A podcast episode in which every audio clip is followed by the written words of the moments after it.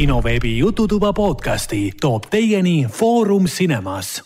tere tulemast kuulama kinoveebi Jututuba, see on meie üheksakümne neljas saade. mina olen endiselt Ragnar ja minuga koos on saates nagu ikka Hendrik. tere! ja Raiko. tere, tere, tere! oota, enne kui sa lähed nüüd edasi, vaata, sa ütlesid, täna on üheksakümne neljas saade või? jaa nüüd on siis käes see moment, millest ma rääkisin ju kunagi, esimene saade mul oli neljakümne, neljakümne seitsmes mm. -hmm. kas keegi oskab teha, teha matemaatikat äh,? natukene. ehk siis täna on, ma olen olnud teiega koos sama kaua, kui te olite ilma minuta siin saates. kui me olime koos Heleniga? jah yeah. et see on, see on suur samm meie jaoks ja kindlasti ka meie kuulajate jaoks. see on juubel see on omaette juubel, see ainult märgib väga mm, sellist ilusat äh, tulevast äh, tulevikku. Loodan, et me umbes sama kaua oleme sinuga veel siin. Äh, loodetavasti kunagi saame näiteks ka stuudiosse tagasi minna või siis, või siis ähm, äkki saame neljanda inimese saatesse. millised plaanid? väga ambitsioonikas ma ei tea, kas meil on vaja neljandat inimest, võib-olla meid on ju piisavalt palju ja meil on siin piisavalt palju erinevaid arvamusi, et tõesti võib-olla ei ole vaja seda neljandat. ma hoopis äh, kiidaks Raikot, et ta on meid äh, kahte nagu välja kannatanud ja on siiamaani alles elus ja elus nii-öelda. on küll, on, on küll raske, sest ei taha üldse kvaliteeti vaadata, et ei peab sundima alati jah, siis mingi kaks ja, aastat hiljem hakkame häid asju vaatama alles ja Raiko on kaks aastat rääkinud nagu mingi kuutõbine, et see on hea, see on hea ja lõpuks on mingi, hakkame vaatama, kuule, see on hea, Raiko mingi, jah, ma tean, ma olen teile kaks aastat rääkinud. meie, meie elude kõige sitem aasta peab mööduma, et lõpuks need kaks hakkaksid poisi vaatama nagu,. see on lihtsalt uskumatu, et aga, aga lõpuks. et veenma peab üldse. aga, aga lõpuks nüüd on ainult mõned sarjad nagu jäänud, äh, millega me nii-öelda ree peal veel ei ole, need on seriaalid siis, mis on siis Raiko lemmikud olnud. Äh, nende hulgas on hetkel siis äh, peast, ma oskan öelda, ongi siis Umbrella Academy mm -hmm. ja, ja mõni, mõni üksik kindlasti veel. no Hendrikul, Hendrikul on endiselt Teed Lastu üleval. jah ja. ja., täpselt. ja, ja, Ragnari ka ju, Ragnari pole lõpuni vaadatud ju. lõpuni ei ole jah ja siis jäi veel see üles, see Kuroko no Basket, mis on tänasest Netflixis. tänasest Netflixis, täpselt. mul terve päev otsa siin äh, igast kanalist tuli teade, et kuule, kas sa märkasid või? miks sa juba ei vaata, ma mingi, ma lähen pissil, mida sa tahad must no, no jaa, aga tänapäeval see ei ole vabandust, võta telefon kaasa. no ja täpselt, ja siis sa oled pool tundi möödas. nagu ühega hoian ja teisega vaatan no selle kohta tegelikult äh, on juba hoiatuslugusid ka olnud, et äh, mingi üks inimene. kuidas telefonist ilma jääda või? ei, ta oli, oli läinud siis WC-sse number kahte tegema, mobiili kaasa võtnud ja ma ei tea, kas ta mängis seal midagi või siis vaatas midagi. aga tema siis äh, tagumikust hakkas siis äh, mingi soolika osad hakkasid välja tulema see ei olnud tegelikult sellest, et see, et ta istus seal pikalt, vaid tal oli mingi eelsoodumus ja mingid, mis iganes, mingid vigased asjad. kuradi soolik või? ma ei tea täpselt, mis see oli, mingi rektam hakkas välja tulema või midagi laadset, igatahes see oli päris kõvasti äh, kõmu, kõmu saanud uudis. aga seda nagu peegeldati, kasutati, seda kasutati umbes niimoodi, et ära, ärge istuge kakskümmend minutit äh, äh WC-s, kui sa tulid sinna tegelikult kümneks sekundiks äh, või noh, vähemaks ajaks, et ei ole vaja istuda nii pikalt kõik istuvad WC-s vähemalt kakskümmend oh minutit, kui nad lähevad äh, tänapäeval äh, number kahte tegema. mitte kaasa. keegi ei lähe ilma telefonita. okei okay,, kui sa kodus oled, siis veel kuidagi. issand, kui sellega oli, ühe korra sõber helistab mulle ja siis mul oli kahtlane tunne. ära ütle, et sa oled, et sa oled WC-s praegu. ma mõtlesin, olen küll, ma panin kohe panin kohe toru ära see on see, kui sa kuuled, et kuidagi niisugune tühi kaja. ja mingi nagu mingi, mingi sise, sisetunne Kukine... andis teada, et, et see ei ole õige värk praegu. see on see, kui sa räägid hästi, hästi viisakalt ja ettevaatlikult, et see on see, et sa ei taha, et seal vale hetkel tuleks mingi sulps. et see on umbes sa räägid, et kuule, Raiko, oota korraks. nii, lähme edasi aga ei, telefoni sa saad ju panna mikri nagu kute peale, et keegi ei kuuleks sind. et äh, et ähm, jah, ühesõnaga, kui, kui sa vaata, vaata, vaata, vaata, mis, mida, mida tegelikult mees teab. tähendab, Ragnaril on kogemus, ta teab täpselt, kuidas jaa ei ikka muidugi, omast kogemusest saabki ainult äh, selliseid, äh, selliseid järeldusi teha. kui loll. aga siit on nagu õppetund, et kui, kui sa arvad, et keegi ei saa aru, et sa räägid temaga WC-s olles, siis tegelikult saab. see on üsna, üsna, üsna arusaadav mis mõttes, ma räägin sinuga kogu aeg WC-s ja sa ei saa midagi aru. Hendrik on, Hendrik on, Hendrik on praegu ka WC-s iga, kord, kui Ragnar mulle helistab, ma jooksen umbes jalu WC-sse. oot, oot, oot, oota, ma kohe, ma, ma kohe võtan vastu kiiresti jopsuga, jopsuga WC. no selge pilt ähm,. liigume, liigume saatega edasi Äh, enne kui täitsa edasi liigume, mainin äh, ära, et siis ähm, kinoveebi jututoa kõik saated on leitavad äh, Delfi taskus, SoundCloudis, Apple podcastis, Spotify's, Google podcastis ja enamustes ähm, teistes podcast'i rakendustes. ja ka kinoveebi, kinoveebi koduleheküljel nojah, jah, kinoveebi, kinoveebi. kinoveebi koduleheküljel ongi tegelikult Delfi task ka, aga seal on ka need eraldi postitused. jah, täpselt, kuna need kaks asja on nagu selles mõttes nagu samad, samade loojate poolt tehtud, aga jah, kinoveeb.ee, sealt leiab ka meie podcast'i ja Facebookist äh, ka. no ja muid asju ka muidugi aga..., et äh, uudised ja review'd ja nii edasi. ja täpselt muidugi, Raiko kirjutab, äh, kirjutab väga palju kinoveebi no mitte, okei okay,, mitte väga palju, aga suuremad äh, tekstid, äh, mis puudutavad äh, arvustusi ja nimekirju, eriti siis eelmise aasta lõpu siis äh, nimekirju äh, saab tagantjärgi veel lugeda kinoveebist. aga vahelduseks, äh, vahelduseks loeme ka mõned äh, kommentaarid ette, mis on jäänud ja jäetud meile siis eelmise saate kohta.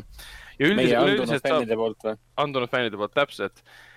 kuna meil on enamus äh, kommentaare saadetud meili teel ja kuskile mujale väga pole neid tulnud, äh, siis ma igaks juhuks tuletan meelde, et äh, meile saab kommentaare siis jätta, mm, jätta siis kinoveebi Facebooki sinna Messengerisse näiteks, SoundCloudi alla saab jätta kommentaare. Spotify's vist mingit kommentaari võimalust ei ole, eks. praegu ma olen pannud on SoundCloud. on või? muidugi on muidugi on. ja, ja kui seal saab ka Apple'i, kui teil on see Apple'i, see Apple podcast'i äpp on, siis seal saate jätta kommentaare lisaks võite meil jätta review, meil pole ühtegi review'd praegu seal. et meil võiks olla täitsa, täitsa oma review koos tärnikestega. muidu me siin istume oma kõrge mätta otsas ja arvame, et me oleme mingid ilged kunnid, aga palun kirjutage meile arvustust põhimõtteliselt. jaa, ja üldiselt. pärast tuleb välja, et me ajame aastaid juba siukest möla siin. ei no, ei ole siis hulk, kui hashtag cancel Raiko vaata, et siis kohe tõuseb see kino veebi level kohe, järelikult, järelikult me oleme midagi hästi teinud aga üldiselt äh, võib kirjutada ka minu äh, isiklikule, isiklikule meilile rrnood.gmail.com, et vanasti oli selleks äh, kinoveebi, kinoveebi Gmaili aadress, aga nüüd või mitte, mitte Gmaili, vaid Outlooki aadress, aga nüüd võib siis kirjutada minu omale ka. aga see on no, ka SoundCloudi kirjutus. üsna ohtlik teema siin oma isiklikke emaili üles panna, et noh, pärast keegi sul saadab sulle siin kirja, et mida sa võiksid oma ema, emaga teha oma vabal ajal ja mis iganes ma olen äh, multiplayer mänge mänginud, ma tean väga hästi, mida äh, kaheteistaastased poisid tahavad minu emaga teha. mul on ka ju, mul on tegelikult olemas isegi veel vanast ajast äh, filmiarvustus, mul on filmiarvustus at gmail.com on alles no,. ja täpselt. mul on alles veel ka ju Raiko at fil-, see kultuurikriitik.ee no vot, et igale poole saab kirjutada, kui meie nimesid guugeldada, et, et ma oma töömeeli ilmselt jagama ei hakka, aga väga tahte leiab selle üles. okei okay,, mitte väga tahte, see pole üldse keeruline seda leida aga ja äh,, räägime kommentaaridest. Äh, kommentaarid jäeti seekord meile siis äh, kinoveebi artikli alla äh,, kus, kuna eelmise saate pealkiri puudutas siis Cobra Kaid ja kuivõrd hea on selle uus hooaeg, see on siis kolmas hooaeg, siis üks kommentaar antud juhul nimeks on inimesele anonüümne, on see siis, jättis nimeks on jah. siis jah, jah viitab sellele, et meie küsimus oli see, et kas Netflixi Cobra Kai on juba aasta parim seriaal. inimene vastab selle peale jah ja ütles, et kui seda imalat teismeliste teemat seal sees ei oleks, siis oleks päris tore sari ma ei tea, minu meelest see iimajate teismelise teema on nagu selle sarja hing ja veri et.... ma räägin, see seebikas on niisugune mõnus niisugune splinkri, splinkri seal peal, mis on juba, juba, juba niigi mm -hmm. hea, hea asi, et sul on juba, no kujutad ette, sul on nagu sõõrik, mis on juba nagu hea ja siis ma mõtlesin natuke šokolaadi ja siis ma seda yeah. teismeliste tahvi, see on kõik ainult ekstra, see on kõik ekstra et see, see seebika paneb kõik nagu, see seebikas, seebika osa paneb kõik selle asja nagu elama tegelikult nii-öelda. olgugi, et mina olen ka üks nendest inimestest, kui kas siis seriaalis või filmis, kuidas tuleb jälle mingi kuradi keskkooli kiusamise teema, kus on kuulid ja mitte kuulid ja nördid ja siis ma alati mõtlen ja vaatan, et issand, kui kuidagi võõrastav ja kuidagi tüütu ja vastik see kõik on. pigem väldin selliseid asju. oota, kas siis te- teid ei kiusatud koolis üldse või?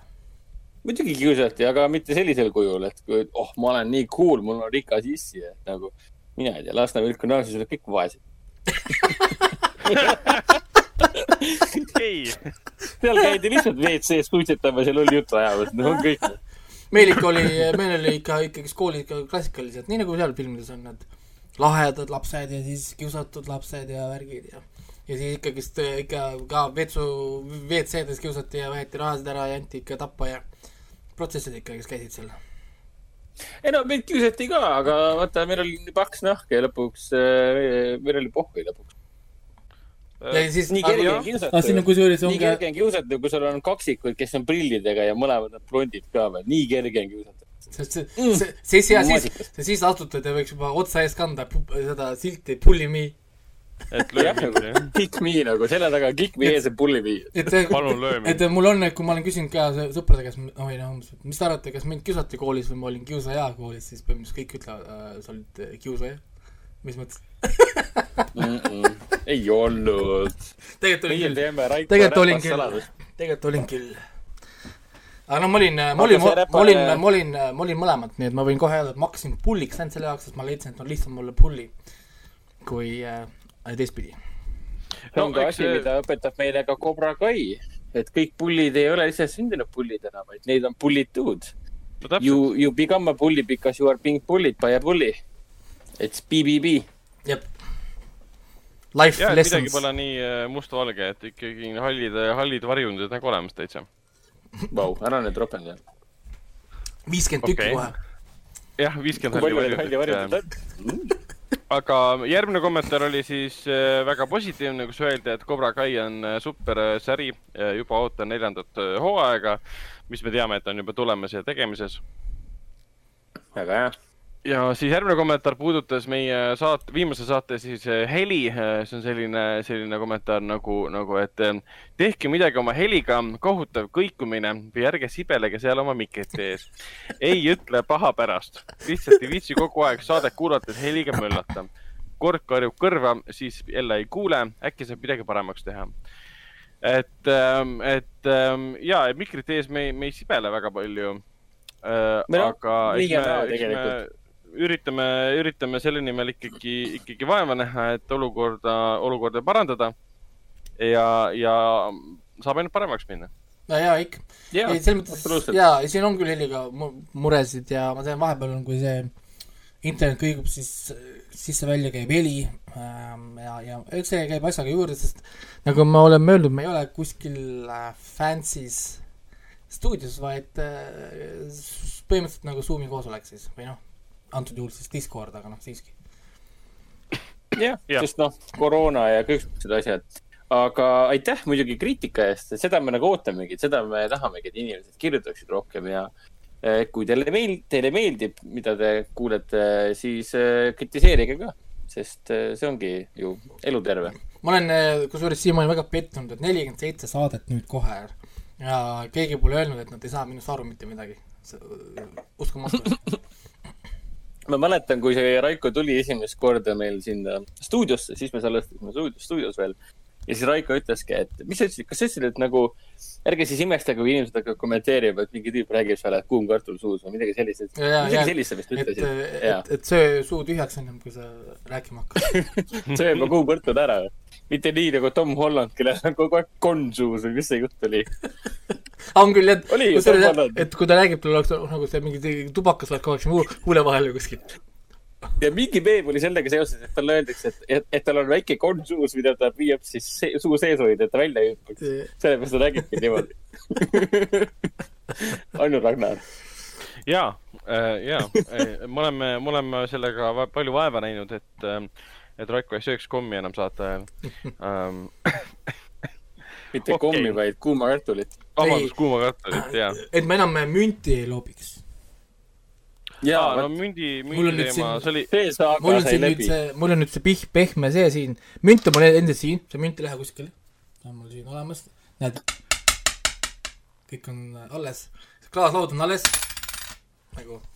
Aga aga, aga, aga lihtsalt jah, me enam ei ole siis seda teinud. et ma, praegu meie armastatud, praegu meie äh, armastatud kuulaja praegu mõtles, et kurat, see münt tuli tagasi. kaks tuhat kakskümmend üks jälle läheb sama asi edasi. jälle läheb kõik persse nii. Aga hakkame nüüd tegelikult pihta, sest äh, mul on oota, ma mainin äh, viimase kommentaari ka ära, milleks oli, filmi konteksti suhtes me rääkisime Shudderis olevast, olevast siis õudukast nimega Porno, mida Raiko vaatas.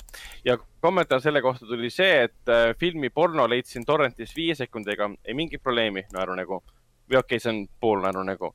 täiskasvanute filmid on üldjuhul porn, selle alt leitavad, et porno leidis kohe, aga siis porno tuleb leida porn nime alt. Aitäh selle väga äh, olulise info Aa, eest, sul on ilmselgelt sellega rohkem, rohkem äh, kogemusi kui meil. peaks, peaks proovima, peaks oma tööarvuti kohe lahti võtma ja proovima. kas see on porno või porn? IT-mees kohe nagu helistab sulle. IT-juht helistab. millega sa tegeled? mingi, kuidas sa teadsid, millega ma tegelen? ma tean kõigest, millega sa tegeled. mida, ma olen TeamVieweriga kogu aeg su arvutis, sa ei teadnud seda. ma, ma, ma näen, ma näen kõike, mida sa teed. Aga liigume edasi, liigume edasi siis äh, filmide ja vabandust, filmide ja seriaalide juurde, mis me oleme nüüd siin äh, vahepeal äh, kahe podcast'i vahel vaadanud ja alustame muidugi siis Raikost. Nonii, ma tegelikult olen vaadanud ainult ühe filmi. väga piinlik, on küll jah. ma olen pettunud sinus. ma ei ma ei julgenud seda isegi panna seda nimekirja siia, sest mul ei olnud mitte midagi siia väga panna. Ja kõik on tegelikult süüdi on seesama sõber, kes äh, helistab mulle, kui ta on WC-s. ja ja, ja ta nüüd sai kuskil mingi rahvusvahelisel sudoku võistlusel, ärge küsige, millisel, sest ma, kui ta ütles su, sudoku võistlus, mu aju lülitas välja ennast. ta sai mingi üheksanda või kaheksanda koha, mis on mingi hullult hea, mingi teine eestlane domineerib, keegi Tiit, kes guugeldage välja, tuleb välja, et maailma parim sudoku lahendaja on eestlane. ma nüüd tean. ühesõnaga, tema sai kuskil mingisuguse hea koha ja siis, kuna äh, me oleme üles kasvanud kogu aeg sellise ideega, et äh, me mõlemad ka käisime siin Mati õppimas, me mõlemad tegime matemaatikat, käisime samadel olümpiaadil, ta oli kogu aeg minust tagapool. ja siis ta nüüd tuli jutuga välja, et nüüd ma ei ole enam sinu varjus blä,, blä-blä-blä, ma olen nüüd see ultra, ultra Mr Rational, mis ta mulle ütles, onju. Ja ütles, et ta tahab minuga teha sudoku võistlust. ma olen siis nüüd selle nädala veetnud äh, lahendades sudokusid erinevates äppides, programmides, teinud sandwich sudokusid, killer sudokusid ja mida iganes, et äh, oma musklit treenida. kui ma lähen ta vastu nüüd üks-ühele, et ma teeks talle siis ära. Et see, sinna minu äh, aeg siis läinud, aga muidugi hetkel minu ajad on kakskümmend viis minutit. ma pean, ma pean saama need umbes kümne minuti kanti per sudoku. nii et ma olen veel väga kaugel, et teda võita, aga, aga küll ma jõuan sinna. aga see ei tähenda, et ma päris äh, niisama slangisin ka, ikka omajagu, omajagu tegelikult vaatasin äh,. ma vaatasin ühe filmi äh, One Night in Miami, mis on siis tänasest äh, meie Prime videos, tegelikult Ameerika Prime videos oli ta juba nädal aega tagasi.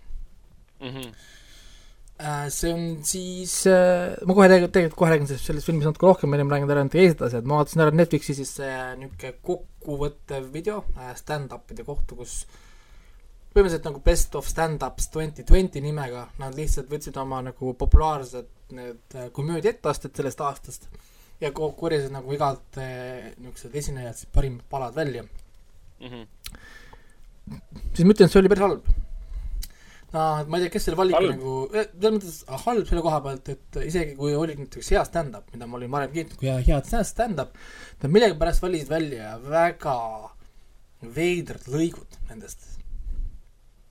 et siis nagu see mm, noh, ühesõnaga see ei olnud hea. oli kohati nii awkward, mitte kõige parem valik või nagu halvasti kureeritud või? halvasti valitud lihtsalt nagu no on käinud halvasti valitud selles mõttes, et seal oli nii palju paremat materjali nendest paljudest stand-up idest, sest me olime tegelikult, ma olin põhimõtteliselt kõikidest nendest rääkinud, ma vist ainult kahte vist polnud näinud. ja enamus olid tegelikult nagu täitsa head või noh, niisugused nagu korralikud, siis, siis millegipärast need valikud olid ikka veidrad, mingid jupikesed, mis lihtsalt oli nagu, ma ei tea, ühesõnaga see oli, see oli veider. ma vaatasin ta ikka lõpuni ära ja põhimõtteliselt kuulasin, siis selles mõttes, et ma olin tegelikult juba näinud neid ju, noh, enamus olin juba näinud. Siis ma vaatasin äh, ära History of uh, Swear Words, härra Nicolas Cage'iga siis äh, kuueepisoodiline, millest Hendrik eelmine kord natuke rääkis. Ja mul on pooleli ikka veel. No spoilers nagu. et, et äh, jah, siis ongi see kuus sõna, mis Hendrik eelmine kord siin ilusti äh, välja meile luges, enam kordama neid põhimõtteliselt ei hakka. siis esimesed kaks episoodi on head. Uh,. Fuck and shit, ma siis uh, muudan kohe oma lubadust, on head, head episoodid. selles mõttes, et see on niisuguse mõnusa tempoga, kõik teevad natuke nalja, mingid suvalised rä-, rändo koomikud on ju, keda ma en- en- enamus ei tea, kuna see Netflixis üks, kõik on üks naisterahvas on tuttav, see blond naisterahvas. Nad, nad, nad kuskilt nad ikka, nad on kuskilt ikka natuke tuttavad nagu, aga, aga mitte nagu nii tuttavad, et ma suudaksin nagu paika panna, kust nad pärit on. ehk siis nad on nagu yeah. natukene kuskil siin-seal olnud võib-olla, aga noh, ütleme ma, ma ei tea nende nimesid või noh, midagi. Ja kuna see on Netflixis, nad on kõik eh, kas siis mustanahalised või naised. või siis geid. et eh, selline asi nagu valge mees on põhimõtteliselt Nicolas Cage on siis, kogu asi on siis tema õlule jäänud Nicolas Ähm. Cage on muidugi selle seriaali parim osa. on, on ja, ja ma tegin selle kohta review ka ja, ja muidugi minu, ütleme siis review lõpulause oli siis, et keep Nicolas Cage and Nick Offerman keep the scientists and scrap everything else. Nick Offerman. jaa, Nick Offerman tuleb ka pärast kui, kui kommentaator ja ta aa, esimeses äh, kolmes teda ei olnud või? ja ei ta, ta, temal oli vist see Dick, Pussy ja Aa, okei. Damn vist oli või? Nendes, nendes episoodides oli ja siis tema naljad on ikka ka noh, hoopis teine tase kohe, sa tunned ära, kes on nagu see loomulik koomik ja teised on niisugused try-hard'id. siis kõik oli tore ja fun, kuni tulid sõnad bitch, pussy ja dick oli vist või? Mhm. no ma mõtlen korra, kas olid need veel või Dick oli Bitch, Dick, Pussy ja Damn. Damn oli lõpus, jah, okei, no Damn jah, Damn oli kõige niisugune, Damn oli ainuke põhimõtteliselt nagu dokum-, dokumentari episood põhimõtteliselt. sest Damn tänapäeval ei peeta isegi enam nagu selleks nagu sõimsõnakski enam ei peeta. noh, ja siis nad räägivadki, et see on sellepärast, et kuna iga nagu see sõnu, sõna käib läbi tsükli, et, et kuidas ta nagu algab, ta jõuab oma tippu, kus ta on tohutult nagu niisugune räige ja nagu negatiivne ja ta jääb vaikselt nagu lä- läbi liigse kasutamise kaotab oma tähendust, kuni ta jõuab, jõuab sinna kohta, kus on damn täna. Damn. keegi ei reageeri isegi, kui mingi laps ütleb damn. See ei tähenda enam midagi. ja see on nagu, nagu Eestis, kurat. et see, see et see, see sõna on nagu kaotanud nagu tähenduse, aga kunagi ta oli nii jube, sest see oli sõna otseses mõttes kellegi põrgusse needmine või noh, nagu niisugune jube. ja siis nad ütlevad, et umbes Damn you et, hell. et umbes kümne aasta pärast, kahekümne aasta pärast on sõna shit samas kohas, ta isi-, ta juba praegult on väga niisuguse väikese tähendusega, onju, aga me kohe jõuame ka nagu sinna ja tõenäoliselt kõik need teised sõnad ka, see bitch, pussy, dick, need liiguvad samade protse-, protseduuridega, kõik sõnad lähevad nagu läbi, kuni tulevad uued sõnad. no mis ha- hakkavad, hakkavad seda uut tsüklit jälle nagu noh, nii-öelda nagu käima. aga see ongi üks väheseid dokumentaar või noh, nagu dokumentaalseid episoode, ülejäänud on isegi mitte komöödia, vaid need on lihtsalt su-, suvaliste randokoomikute kommentaarid. mis, mis üldiselt on nagu niisugused okeid, kuni ma räägin, hakkas pihta äh, sõna, see bitch vist oli see sõna, kus hakkas pihta. Esiteks on esi, esimeses kahes episoodis, kui oli see sõna äh, fuck ja shit, kõik rääkisid, miks me ei või öelda, mida me tahame, sõnavabadus, need on ainult sõnad. ma, mina võin öelda, kui sina saad valesti aru, on see sinu enda probleem, ma olen nõus. ütle, ütle, mida tahad, sõnavabadus, ma olen poolt, on ju, lihtsalt sa hiljem pead vastutama selle, selle sõnade eest, aga ütle, mis sa tahad. noh, ma ei tea, kõik on, kõik on õige, siis jõuame sõnani, bitch. Needsamad naised, kes just seda rääkisid, vot seda sõna nüüd küll ei tohiks ikkagist tegelikult ju öelda, mul oli, et ähm, aga sa ju ise just rääkisid, et igat sõna võib öelda, et sõnad tähendavad ainult seda, mida sina ise kuuled ja saad aru, kui sina neile kuulajana võimu ei anna, siis neil ei ole ju võimu. sa ise just ütlesid seda. aga see sõna teeb ikkagist naisi alla. Ja see on nagu naisi rõhub. Ja siis terve episood. Põhimõtteliselt hakkas pihta nagu on see põhimõtteliselt nagu mingi feministlik mingi storyline, kuidas need sõnad on ainult selle jaoks mõeldud, siis tuli bussi, oh jumal, see läks veel hullemaks, see on veel rohkem naisi äh, alandav ja, ja ja siis sõna tikk on nagu veel kõige hullem, sest see on nagu ka kuidagi naisi alandav ja naisi rõhuv. ja siis kolm episoodi järjest sa pead lihtsalt kuulma, kuidas naiskoomikud ainult hädaldavad ja nutavad, mitte mingit nalja pole, mitte mingit ajalugu me ei saa. me sõna otseses mõttes kuuleme, kuidas koomikud, kes peaks olema sõnavabad, olema selle eest, võime öelda, mida tahame, ise kraunuvad ja tahavad, et neid sõnu ei saaks keegi kasutada, ka kasutada, ise nad samal ajal, seda ma sain, seda ma sain selle kolmandast osast ise ka tunda, et, et mulle see Fuck the Police ja kõik see teema mulle tegelikult väga meeldis, mis ja vahepeal, oli ja need, need esimeses ja ja- ja- teises ja mustanahaliste räpikultuuri ajalugu, see oli väga hea. aga pärast ta läks kuidagi hästi selliseks isiklikuks või? ei ongi, ja need lähevad täiesti mingi hästi hästi isiklik. otseses mõttes nad hakkavad vinguma, see on, lihtsalt vingumine, see ei ole, need ei ole ühtegi argumenti ka, need lihtsalt kraunumine, ah mulle ei meeldi, et see on kuidagi nagu noh, ma ei tea, see teine ja te, mingi nagu mõttetu pointless ja samal ajal ise just rääkisid seda. Ja siis oli mustanahalised just rääkisid nagu et umbes, oh, sõnu võib öelda, mida, mida iganes sõnade rääkimine on vabadus, siis mul oli really, kas paneme siia seitsmenda episoodi N onju juurde või, vaatame, mis nagu te siis teete, noh nagu, et, et, et, et mul veitsa nagu, nagu oleks kohe tahtnud, et teeme juurde, paneme episoodi. Paneme seitsmes episood, ma ei tea, Kant näiteks, vaataks, mida, mis need koomikud siis, siis teeks. teeme kaheksanda episoodi, panemegi siia eh, Niga, onju, võtame üheksanda episoodi, ma võin veel sõnu välja mõelda, ma tean, et in- inimesed lähevad nii kergelt, trigerdatud.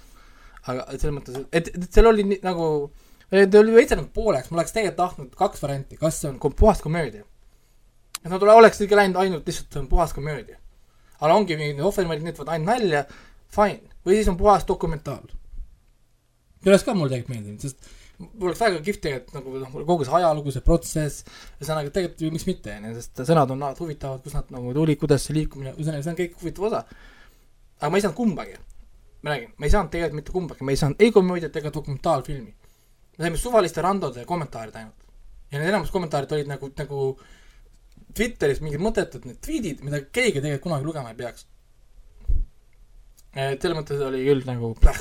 ja sellepärast minu see review oli ka, et, et jätke alles Nicolas Cage ja Offerman, teadlased ka jätke palun alles, sest teadlased rääkisid väga head, head juttu sõnadest ja, ja nende jõududest ja tähendustest, asjadest. kõik see ülejäänud lihtsalt pühkige minema sealt lihtsalt. täiesti pointless.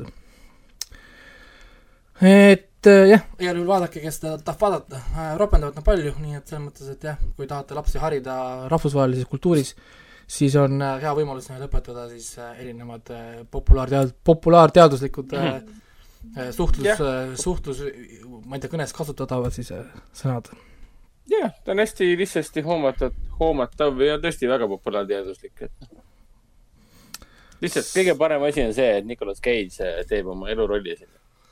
ta, ta saab lihtsalt, olla Nicolas Cage, et see, selles mõttes, et Jah. et, et mulle nii, nii nagu meeldib see, mulle meeldib see, sa, kas sa seda episoodi nägid, seda Dick või? kas Dick, ma nägin esimest kolme ainult, no neljas on nägemata. Mm. ehk siis Dick on nägemata. seal on ka üks eh, hea tseen, kus ta hakkab oma, oma, omaga rääkima juttu ähm,. et selliselt, siis saab küll naerda, ma räägin, kui Nicolas Cage on ja seal on teatud kohti, kus saab naerda küll, see ei ole, ma räägin, see ei ole täiesti kõnts.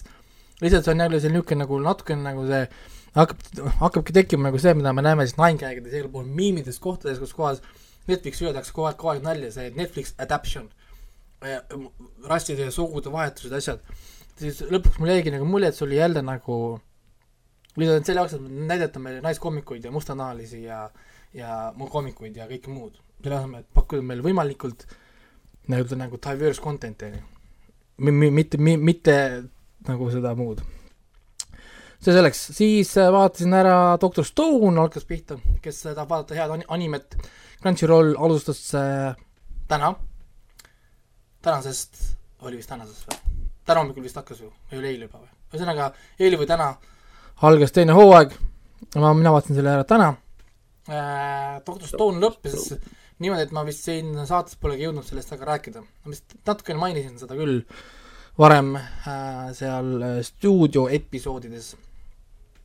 Teine o- osa läheb siis edasi äh,, nagu st- esimene pooleli jäi, nad lõpetasid mobiiltelefoni ehitamise, hakkavad siis äh, nii-öelda seda ka siis rakendama ja no nii edasi hetkel ka üks üks popimaid animatsioone. suureks üllatuseks logo Horizon tuli tagasi ka. see on üks vana animatsioon, jooksis mingi kaks tuhat kolmteist kuni kaks tuhat viisteist äkki. kaks mm. -hmm. kaks hooaega oli kunagi ja esi-, mõlemad hooajad kuulusid Crunchyrollile, eksklusiivselt Crunchyrollile.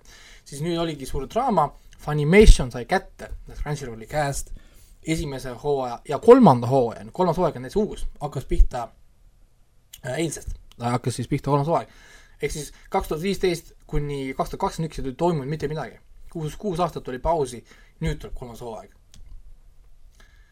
ja, ja, ja kes, kelle pakub huvi, siis Log, Log Horizon on kõikidele nendele, kelle arvates näiteks Sword Art Online või siis see punkt Hack olid, ütleme, niisugused äh, head, aga midagi jäi natukene puudu, siis Log Horizon võib-olla kõige paremini kirjutatud nagu see character development'i mõttes, aga nad on kõik sarnased, nad on kõik see, kus kohas mängijad jäävad MMO-sse kinni. või noh, nagu sellesse online mm. mängu kinni ja peavad hakkama seal nagu päriselt elama. siis äh, Sword Art Online on nagu rohkem niisugune action based, punkt Hack on võib-olla natukene liiga depressiivne, ma ei tea, suitsiidid, mingi muu teema, noh, et see pole ju päris elu, kui me oleme virt-, virtuaalsed pikslid, ühesõnaga selline noh, niisugune nagu väga niisugune sügav, siis Logo Horizon on nagu, nagu kõige chill'im. Kõik on oma karakter, kõik on eri rassid, neil on oma missioonid, ülesanded, nad kõik teevad oma kultuurid, oma linnad, hakkabki tekkima niisugune nagu päris ühiskond. noh, niisugune nagu ütleme mõttes. ja, ja kolmas hooaeg on nüüd tagasi, esimene osa oli põhimõtteliselt lihtsalt meelde tuletamine, sest olgem ausad, kuus aastat oli vahet teise ja kolmanda hooaja vahel. et, et aga animatsioon on muutunud, nad on natuke oma stiili muutnud, neil on rohkem raha ja, ja see on nüüd siis äh, üks siis Funny, Funimationi, ma saan aru, siis nagu siis projektidest tagasi nagu tuua. Aga kuna nüüd Crunchyroll ja Funimation on nüüd sama Äh, nad see aasta liituvad mingi hetk, Sony oma, omab nüüd neid mõlemaid, siis äh, siin käis läbi see uudis, et, et mis neil oli esimene august või esimene september, pidi tulema mingi suur uudis, ja ma eeldan, et see uudis, mis tuleb, on tõenäoliselt Funimationi ja Crunchyrolli liitumine üheks mingiks ultrasuureks animatsiooniplatvormiks, siis tõenäoliselt. kui Sony omab neid mõlemaid, miks ta peaks hoidma neid ka eraldi? Mis mm., mis, mis selle point on? noh, nagu miks nad peaks hoidma nüüd nagu kahte sama platvormi, mis teevad täpselt sama asja eraldi. aga kas on oodata ka, et nad äh, teevad täitsa uue nime kogu selle asjale ka? võiks küll olla, siin on äh, terve see uudiste, uudiste foorum oli seal täis nimesid, näiteks mulle jäi meelde Aniflix või äh, mis see oli, ai, Aniflex vist oli või? Aniflix, huvitav, miks see nii tuttava nimega on, jah? et mingi, mingi rahvusvaheline nimi ja tõesti koondada kõik sinna, sest äh, olgem ausad, Funimation ja Crunchyrollil on kokku mingi sada kümme tuhat või sada kümme, sada kümme miljonit kasutajat, sada kümme tuhat, jah. sada kümme miljonit kasutajat. see ei ole, see pole väikene number, see on üüratu suur number. selles mõttes, et, et kui sa nüüd, ma saan aru, miks Sony seda tahab ja, ja miks nad maksid, ma ei tea, mitu miljardit maksid selle eest, ma ei mäleta, selle Cruncyrolli eest et, et miks nad nagu tahavad neid noh, nagu saada, neid platvorme, no seesama, see Demon Slayer, millest me rääkisime ka eelmine kord, on ju on hea näide, kui populaarne on animatsioon, arvestades kaks tuhat kakskümmend aasta, kaks tuhat kakskümmend aasta vist teisene edukas film üldse ongi Demon Slayer film. Äh, ta kaotab ainult sellele Hiina sellele suurele sõjafilmile. kõikidest teistest ta Aa, teenis see..., teenis rohkem raha. jah, eks see kõik teised filmid ta teenis rohkem raha, teenis rohkem raha kui Tenet, teenis rohkem raha kui Mulan, rohkem raha kui blablabla, ühesõnaga nagu noh, ehk siis see on ju raha prentimise viis jälle neile on ju, noh ja muidugi see mangade müügid ja animatsioonid ja asjad, ma ei kujuta ette, kui palju nad teenivad lihtsalt nende kujukeste figuriinidega, cosplay'd, kõik need muud sinna otsa, noh nagu, et need on üüratu, üüratu, üüratu business. nii et ma ootan küll äh,, ise ootan ka, et võiks olla mingi ühine platvorm, et ma ei peaks enam mingi Funimationi ja Crunchyrolli vahet põrkama mõttetult, noh nagu kui ma võiksin lihtsalt minna ühte kohta, vaadata kõike ühest kohast mm.. et, et see teeb natuke nagu lihtsamaks, samal ajal on jälle oht, et see on ju nüüd monopol. kes on nüüd järgmine konkurent? Nojah, noh, selles mõttes küll, alati on oht, kui keegi ostab kokku kõik ja hakkab näitama ühelt platvormilt, et aga kui noh, kui okei okay,, kui kvaliteet selles ei kannata ja sisurohkus ei kannata, kas siis monopol on nii halb? jaa, aga nüüd, kui ta hakkab küsima kakskümmend, kakskümmend, kakskümmend viis dollarit kuus. jah, jah, kui ta hakkab mõjutama, kui ta hakkab mõjutama kogu turgu ja kõiki tootjaid ja loojaid, nojah. või siis nad näiteks, nad ei paku enam tasuta vaatamisvarianti, mis on praegu Funimationis ja Crunchyrollis mõlemas olles selles mõttes on... nagu Nad võivad kõike teha, sest neil pole konkurente. jah, no nüüd nad panevad kinni ja enam tasuta üldse ei näe. ja, ja, tõsi, tõsi, seda küll, jah. et noh, ütleme, nad saavad hakata igasugu asju tegema, mida ennem nad ei saanud teha, kui sa panid Funimationi kinni, me vaatame siis Crunchyrolli. Crunchyroll hakkas tegema, ah, ma vaatame siis Funimationit, noh, saad aru. aga nüüd mm. on, mida sa nüüd vaatad? mida sa vaatad nagu, selles mõttes, et, et, et sa vaatad uh, Youtube'ist animeid et seal äh, teatud hooajad episoodid on üles pandud noh, et see Kiss, Kiss, Kiss, Kiss anime pandi kinni, onju ah.. äh,, seda enam ei ole olemas äh,. siin mõned korraks on tulnud proovinud, aga, aga kuna kõik nagu noh, nii raske on saada õiguseid, sest suured firmad kõik omavad neid suuri nagu neid õiguseid ja frantsiise ja asju. kõik on TV Tokyo oma, Bandai Namco omad, kõik käib läbi nende, nendel on juba mingid lepingud Netflixide ja igasuguste suurtega, ma, ma, ma ei kujuta ette, kes see võiks see konkurent, konkurentsiks tulla, võib-olla Netflix ise, sest nad toodavad tegelikult omajagu tegelikult noh, nagu ka originaal ju animatsioone, ma ei tea. ei tea, eks ma mõtlen, mõtlen, mõtlen selle peale pidevalt ja ootan, ootan nagu niisugust huvitavat asja, sest ma elan päris, palju seal Cruncyrollis tegelikult küll. et seal on, on ikka nii palju content'i, mida vaadata ja nüüd hakkasid kõik uued hooajad pihta. Re Zero läheb edasi teine hooaeg. ja siis see Jujutsu Kaisen läheb edasi. Ja siin kohe tuleb veel uued peale, nii et, et see aasta tuleb äh, päris hea anime aasta juba tundub, nii et, et ainult see Demon Slayeri film on puudu. ja Aasia riigid naeravad meie üle ja ei taha seda siis, taha, ei taha siinkandis seda välja lasta kuidagi. nojah, et kogu maailm on ju noh, enam-vähem lukus ikka veel ja nad eh, teenivad raha sealt, kust nad saavad. nojah, aga ma Pole mõtet meiesugustele tuua, kui me kopikaid toome. et nendel on selles mõttes, mida, mis Aasia turul on hästi hea trikk, ongi see, et äh, sa müü seda nagu välja, aga ära paku subtiitreid. siis on, piramidil läheb nii keeruliseks vaata. sest, sest äh, selle, siin Jaa., siinkandis inimesed ei räägi ju by default jaapani keelt, siis äh, jah, rendid ja saad ametlikus kohas sub-, sub-, sub-, subtiitrid, subtiitritega koos. nii, ja siis äh, vaatasin ära WandaVision ja meie vaatasime ka just enne podcast'i algust ära. et äh, esimese ja siis teise episoodi, mis tulid välja, muidugi see on äh,, huumor on see, et see on 4K-s küll, aga pilt on lõigatud äh, neli kolme formaati ja, ja, Ja, ja, ja. HDR on selles mõttes tore asi küll, kui seal on mustvalge pilt, on ju. aga no õnneks teise hoo, teise hooaja, teise episoodi lõpuks juba muutus, juba saime värvi ja kas te panite ja, ka, ja kas te panite tähele, et viimane kaader oli kuusteist üheksa, mitte enam neli kolm? jah, jah. ja, ja oli küll, oli küll, oli küll, jah. aga noh, oota, aga konteksti, muljed on? konteksti mõttes, et WandaVision on siis esimene ainult äh, Disney toodetud seriaal, mis tuleb otse Disney plussi. Disney on Marvel, varasemalt Marvel äh, Studios on toodetud pigem. täpselt, Marvel Studios toodetud äh, seriaal. Mandalorian Disney- oli ka ju. täpselt, ei ma mõtlen, mis puudutab ainult Marvelit siis. Et Marveli seriaale on olnud küll ja küll. MCU-d, sa pead olema täpne, see on No. Marvel Cinematic Universe'i puudutav seriaal. et see Agents of Shield oli ka Marveli seriaal, et see, mis äh,. siin on Hellstrom ja siin kõik, mis Netflix tootis, need on ka Marveli seriaal. Daredevil on ka Marveli no- seriaal, aga need ei ole, kes Marvel kuidas Studios toodab ja nii seriaalid. et see on nüüd esi No, uus peatükk nii-öelda Marveli seriaalinduses, kes on siis av avang sellel. ja, ja mm. -hmm. WandaVision äh, on siis äh, Wanda Maximovist äh, ja siis Visionist ehk siis Paul Bettani ja mm, Elizabeth Olsen, kes mängisid samanimelisi neid äh, tegelasi siis ka Marveli filmides. et me kõik teame, mis juhtus Visioniga ähm, Infinity War'is, me kõik teame, mis juhtus Wandaga siis Endgame'is mis juhtus äh,, mis juhtus ehk siis midagi, midagi juhtunud elus, ellu jäi. Eh. aga, aga see seriaal on midagi täiesti teistsugust, see ei ole järg äh, nende kahe armuloole, see ei ole eellugu nende kahe armuloole, see ei ole mitte kuidagi sarnane sellele, mida tegi Endgame või siis Infinity War, see on midagi kapitaalselt teistsugust jaa, aga see on um,, nii palju, kui mina saan juba kontekstist aru, see on ikkagi see Endgame'i järg ju. me Jaa, selle niimoodi tuuakse, nad toovad praegu Visioni tagasi meile, et siis seda jäi, selles uues Marveli universe'is oleks äh, Paul Bettani tagasi. Jah Jah. um,, kui, kui see, see, ja noh, selle, selle sarjaga nad siis selgitavad, et kuidas see üldse võimalik on, sest noh, spoilerid on tulnud. jah, et lihtsalt, et kuna, kuna esimesed kaks episoodi leiavad aset, ta on siis USA viiekümnendate nalja äh, teleseriaalide maailmas. Ple-, Pleasant, hashtag Pleasantville. ta, noh, Pleasantville põhimõtteliselt äh, ja ta on mustvalge neli kolmele, laugh track'id on taustal.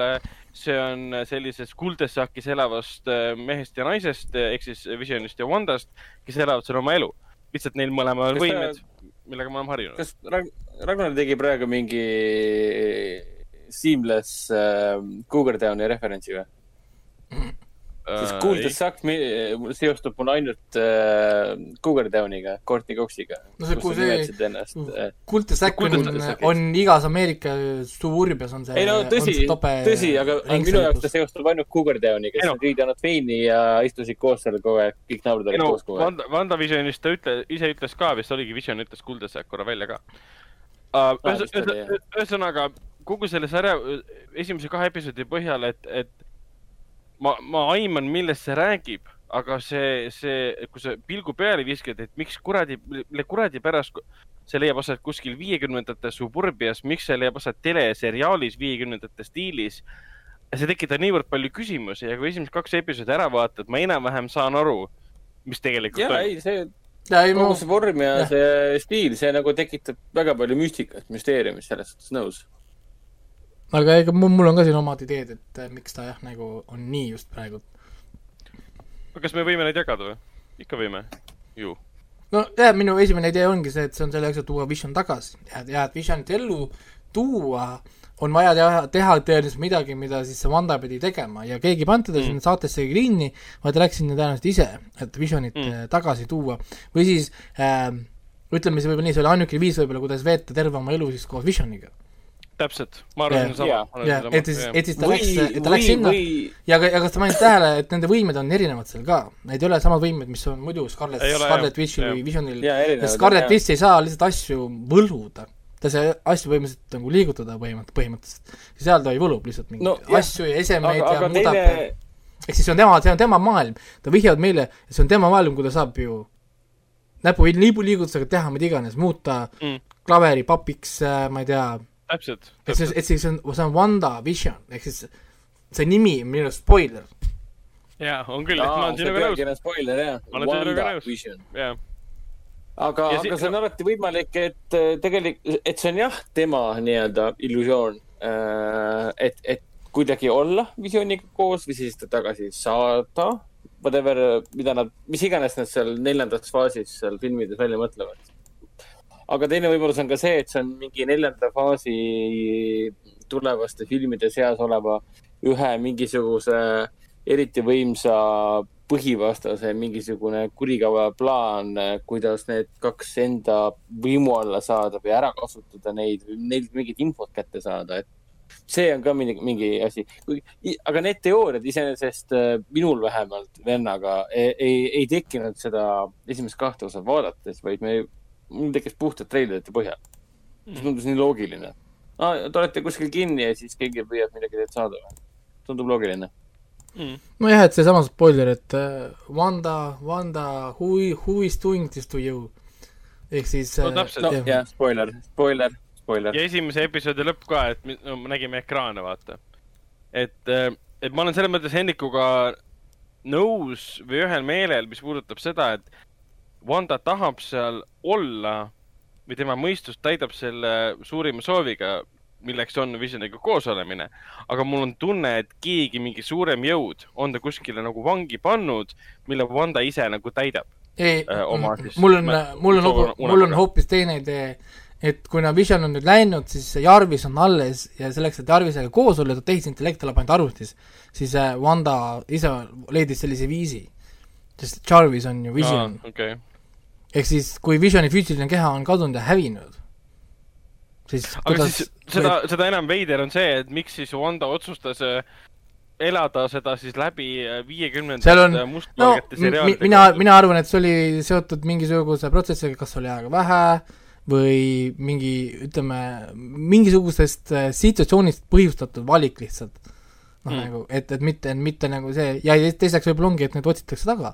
Ehk siis ta leidis, et on lihtsam olla vedetud a la mingisuguses äh, kines, kineskoopilises mustvalges maailmas, kui minna kuskile noh, nagu populaarsesse kohta. aga muidugi noh, arvestades, et, et siin on nüüd ähm, kirjutajad ja inimesed on andekad seal taga, ehk siis äh, nad viskavad siia ku- kurvi, kurviga palli meile korralikult. ja kas te panite tähele, et iga, iga kord, kui äh, Vision nägi midagi, mis vihjaks talle, et, et ta ju ei ole tegelikult seal maailmas, kus ta olema peaks, siis Wanda keris tagasi ja. Või muutis midagi, et Visionist saaks aru, et see ei ole see maailm, kus ta tegelikult olema ei peaks, sest Vision ju Vision teab, et on teistsugune, aga Vision tegelikult ei tea, kui teistsugune ta tegelikult on. no ta ei tea, kui võimas. ma olen väga sujuvalt praegu spoilerites üle läinud, et nii Suva- mõnigi meie kuulaja võib see, olla väga need- šokeeritud praegu. need on kaks esimest episoodi, see on mittetähenduslik selles mõttes, et me ei saa, me ei saa midagi nagu spoil ida, sest need on selles mõttes, et need on kaks esimest episoodi, mis on kokku mingi nelikümmend viis minutit, noh.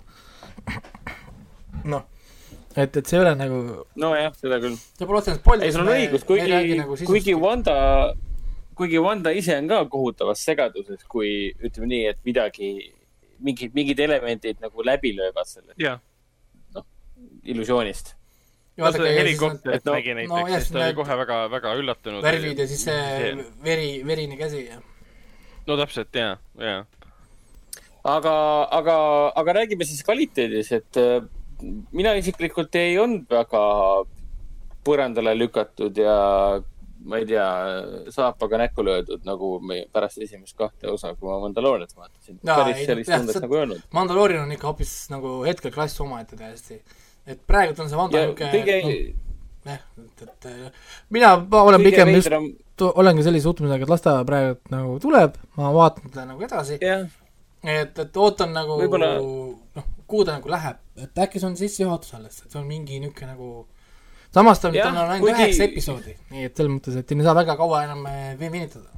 ja seda ma mõtlengi, et ainult üheksa, üheksa jah, üheksa. üheksa pidi olema jah. et ainult üheksa episoodi ju, et nagu ja mul nagu teist osa vaadates, et te lasite korraga mõlemad välja ja teist osa vaadates tekkis mul tunne, et nagu äh, miks ta nagu kiiremini kuskile ei liigu, on tal tõesti nii palju vaba aega või?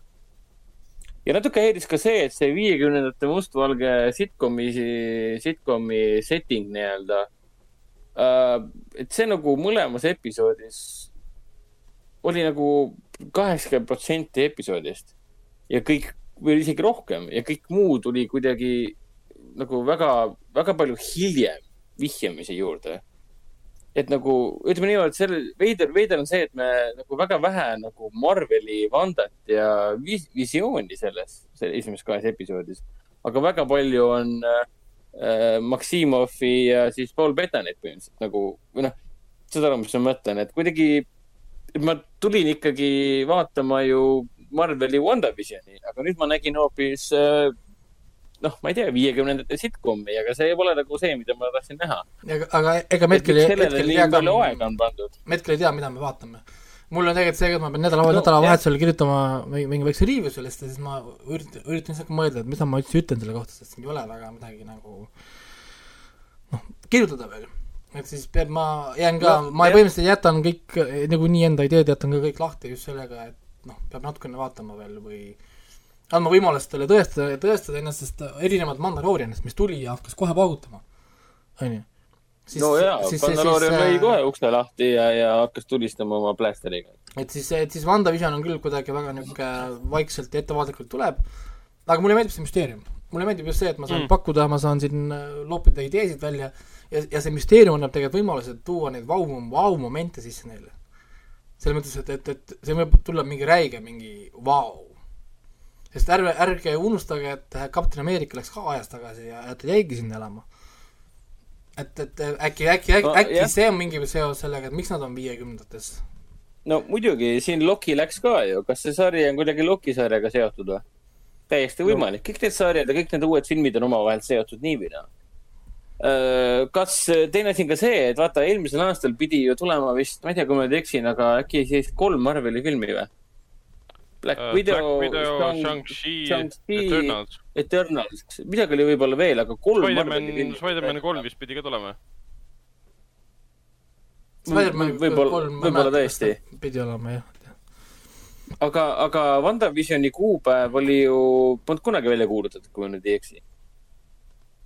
Et huvitav ongi see, et mind esimese kahe episoodi jooksul tekkis see küsimus, et huvitav, kuidas filmide edasilükkamine hakkab nende seriaalide äh, nagu seda ajaliine nagu mõjutama, sest või kuidas nad seda kõike vormistanud on, sest tõenäoliselt pole tehtud niimoodi, et sa pead ära vaatama selle seriaali, et aru saada sellest filmist. seda ma ei usu, et nad teevad, sest see on noh, tegelikult rumalus.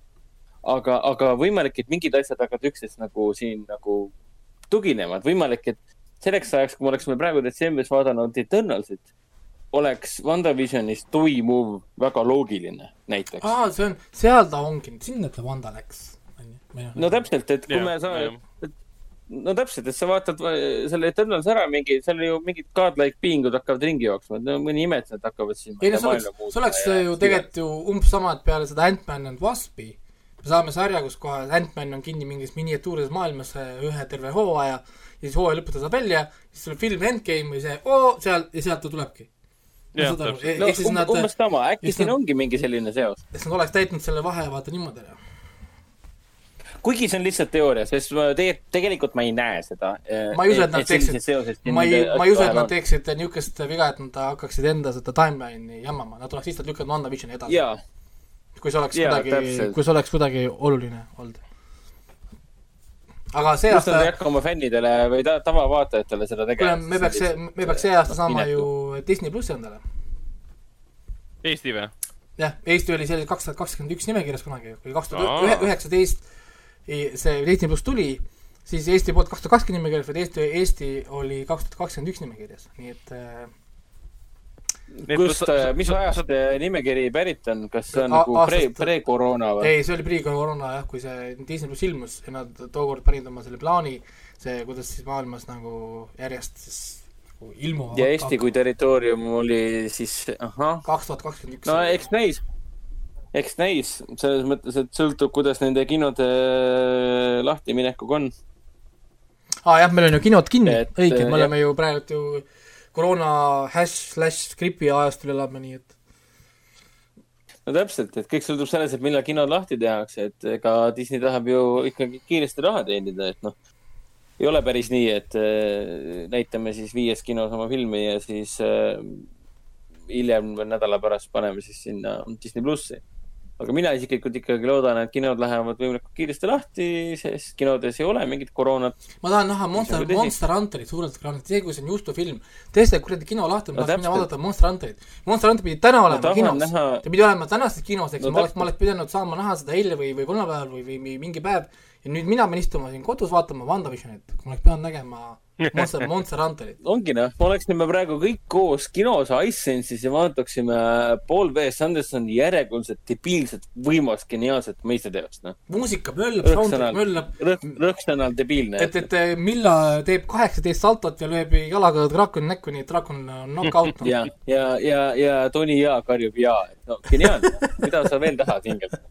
aga siin me Jaa, siis oleme ja vaatame Disney, Disney plussi, et noh No nii. jah, jah. aga ma lõpetan siis oma oma jutu ära One Night in Miami'ga.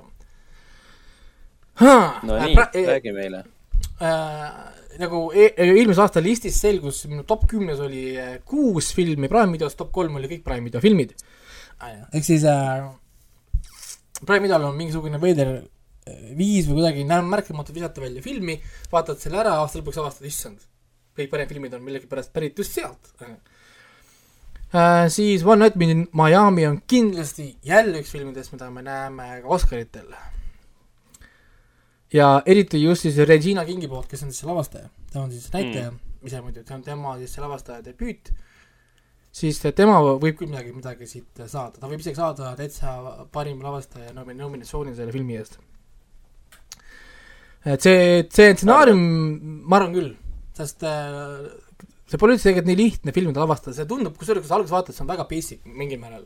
Aga kui sa natuke hakkad mõtlema tegelikult, kuidas seda nagu hakata lavastama, kuidas sa üldse ise seda teha nagu saaksid, siis tegelikult see on väga niisugune keeruline film, on ju, noh, narratiivi asjad minu jaoks on niisugused noh, so ja so, on ju, ta ei ole võib-olla nii hea film, andsin talle kaheksa punkti, niisugune kaheksa punkti film, ta on selles mõttes, mulle meeldis vaadata seda, istud ilus, ilusa pildiga, mõnus nagu film äh,, mõnus story, on nagu ka, selles mõttes ajalooline kontekst on väga hästi paigas, tal on kõik see, settingud on paigas, kõik see olust-, kõik on nagu, selles mõttes see aeg on väga nagu paigas ah,, issand, film, millest film räägib ka et ma unustasin selle üldse ära.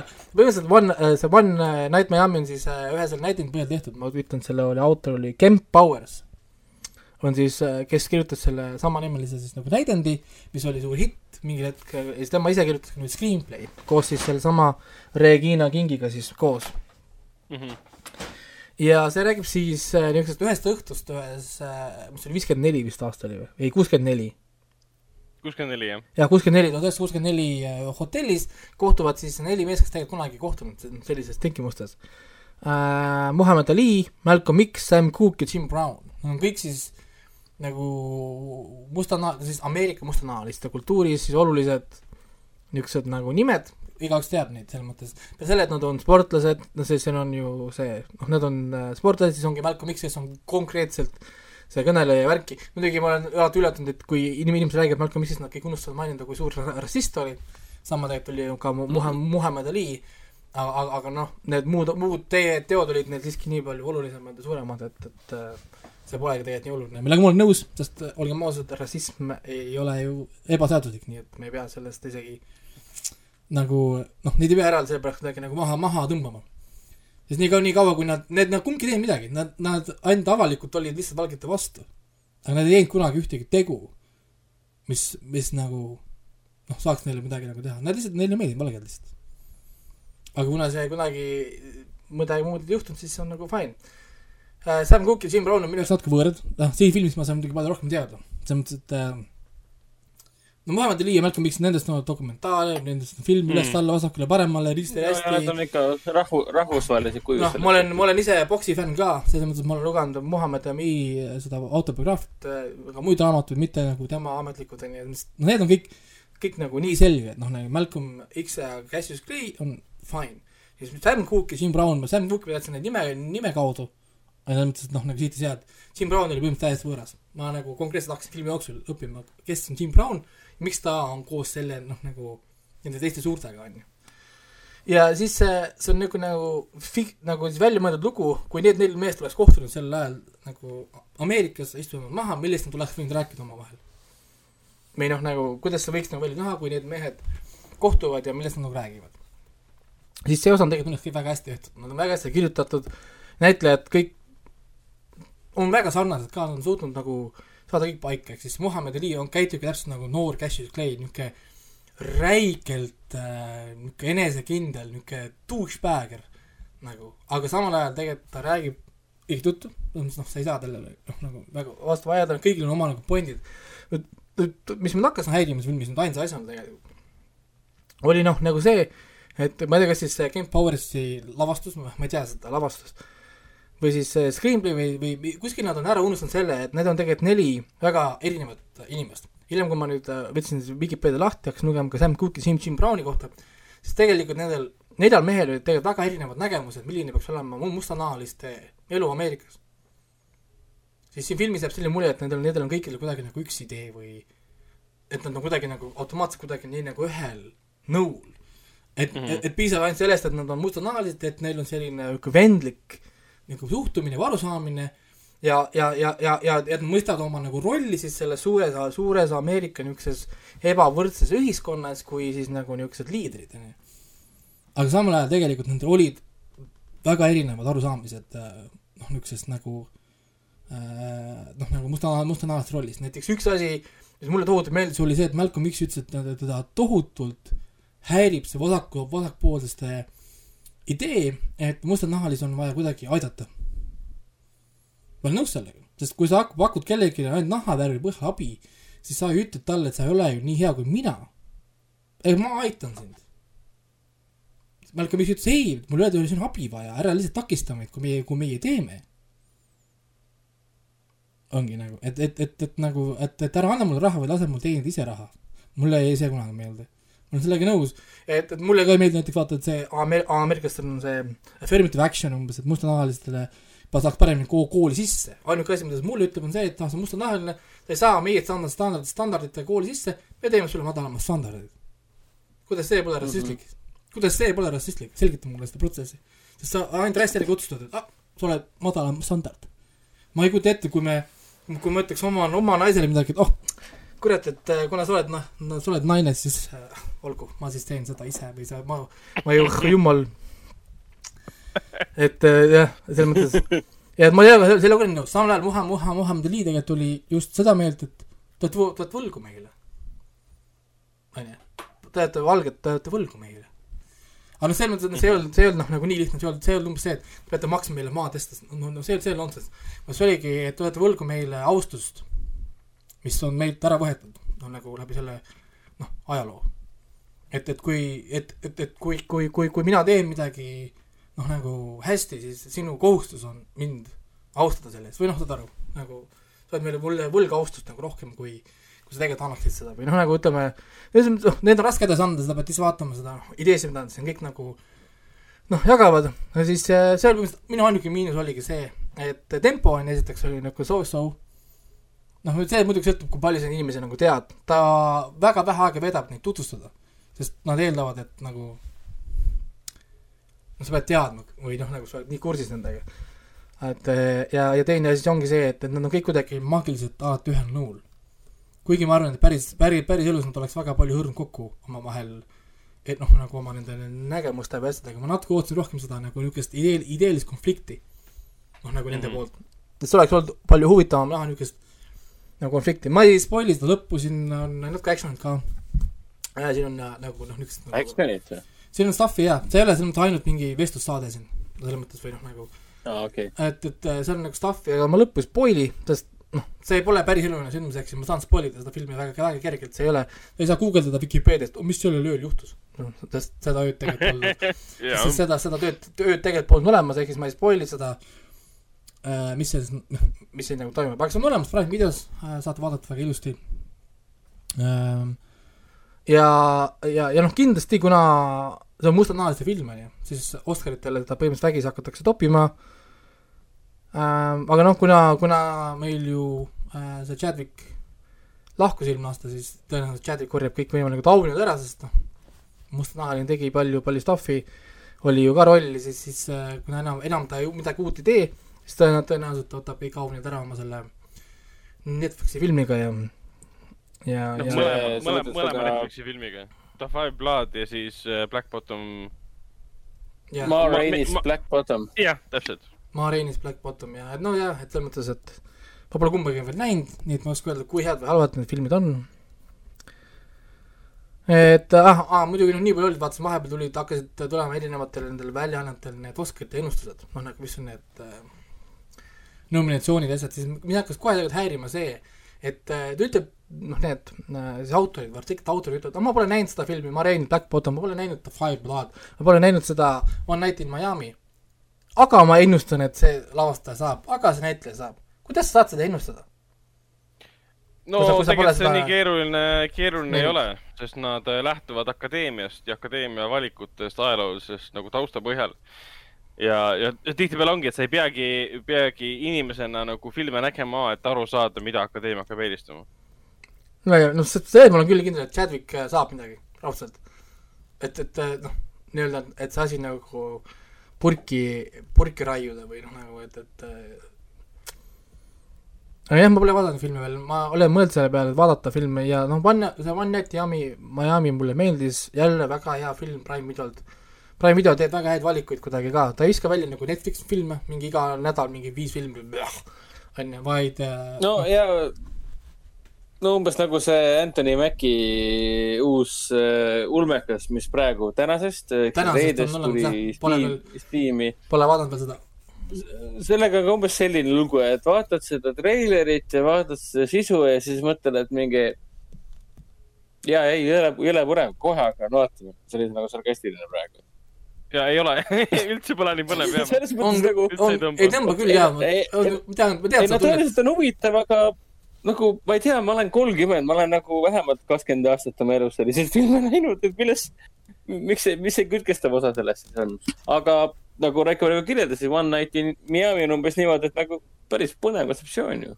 on ja, ja ma ja mul oli ka, kes see Sam Cook on, juba saan teada, et noh, jah. ei see on selles mõttes, et ei ta on, ta on hästi kirjutatud film, iga, igal juhul, dialoogid, no need sõnad, need, nad on veidi ehtsad paika nende inimeste nagu need kõnepruugid, kuidas Muhamed Ali rääkis, kuidas Malcolm X rääkis, kui sa hiljem guugeldad Sam Cooki või Jim Browni, vaatad nende videosid, kuidas nad rääkisid, mida need näitlejad tegid. selles mõttes, et, et see osa on kõik nagu, nagu noh, väga nagu paigas. kuidas need, see Malcolm X-i see seisak, noh Mm. kuidas ta seisis nagu niimoodi nagu veits nagu ja- käed taha, kõik see, see Muhamed Ali niisugune see liikumised ja kuidas ta tegi oma need, need käemaneerid, värgid, et näitlejad on siia tööd pannud nagu kõvasti, selles mõttes ma räägin, see on väga kvaliteetne film. et see oleks tegelikult täitsa vabalt mingi kino, suur film tegelikult võiks olla. teha neid suuri kinotuure ja värke, vaata noh, nagu selles mõttes. et, et ma ei tea, et nii palju valikuid on siin ja ma olin nii pettunud, et nendes Oscari nominatsioonides ma ei näinud mitte ühtegi korda Uncle Franki ja Paul Bettanit. Tundub, et see on äh, tänavune see film, mis läheb nagu radari alt mööda, väga paljud akadeemia, võib-olla ta üllatab, vaata, kriitikud ei oska teda nagu ennustada Oscaritele edukaks filmiks, aga võib-olla akadeemia liikmed armastavad seda filmi. vot see on veel vara võib-olla niimoodi ah, ja see, see aasta muidugi uus ju süsteem ka. nüüd oli see mingi, enam pole ju limiiti ju parimatel filmidel ju, nüüd on ju mingi kaks listi vist eraldi ju, kõigepealt on kümme, pärast on mingi viis või kuidagi või see oli see uus, millest me ühe korda siin rääkisime siin ka, siin ka ju. jah, mul enam isegi ei ole meeles, kuidas see süsteem töötas. jah yeah., et see on nagu uus, uus, uus süsteem, aga Riis Ahmed oli äh, listis olemas sound medaliga äh, vaatasingi parim äh, heli, heli, heliõpe, heli, helirežii äh, oli ka vaadatud, oli mainitud ära Sound of Metal äh, film, mis oli tõesti keerulise heliga, noh nagu heliga film ähm,. selles mõttes, enamasti on ikka käinud läbi ja Prime video jaoks tuleb see hea auhinnashow. selles mõttes, nagu noh, ma usun, et sealt tuleb stuff, muidugi parim film tõenäoliselt läheb Netflixile, sest neil oligi see The Five Blood äh,, see Trial of Chicago Seven äh,, ah, siis see Monk äh, noh, ma arvan, et äh, ma arvan, et parim film, äh, parim film läheb ikkagi sellele Nomaadimaale, kuna see pole ühegi streaming teenuse oma. See on ikkagi film, mis oli kinodes või noh, seal, kus sai näidata. et neil on lihtsam sellele anda, pluss on tõsisel teemal ka vaesus ja kõik see, et. ei, ma olen nõus sellega, ma pole näinud no, Nomaadimaad, aga eks ma kunagi näen ära, kui ta tuleb võib-olla mingi streamingutes või kuskile ta tuleb kinno ka, kui meil kunagi kinod lõpuks lahti tehakse. okei okay., et kui ta ennem ta... striimi ei jõua minna? kui enne ei jõua jah, et muidu tal praegu vist oli Eestis plaanis märtsis äkki või? Et ma tahaks. kuupäevad muutuvad nii tihti, et ma, ma pean kontrollima. ma tahaks seda näha. kord on veebruar, kord on märts, kord on aprill, et noh. tahaks seda näha nagu küll, aga noh, ma magasin maha selle võimaluse, kui ta oli vaadata ja siis, siis nüüd, nüüd peab ootama, nüüd peab ootama, et, et aga jah, ka Oscari filmidest, mida ennustatakse, ma polegi näinud nüüd seda Tafai Bloodi, siis äh, seda Marinis, whatever see keerulise nimega on. Marini, ah, kurat. Marinis Black Bottom. jah, Marinis Black Bottom, jah. et, et oota, kas Marinis Black Bottom tähendab siis äh, ema Reini äh, musta tagumikku või? ma ei tea, kui sa vaatad, see... kui sa vaatad filmi, siis sa sõltub, mis see kontekst on seal.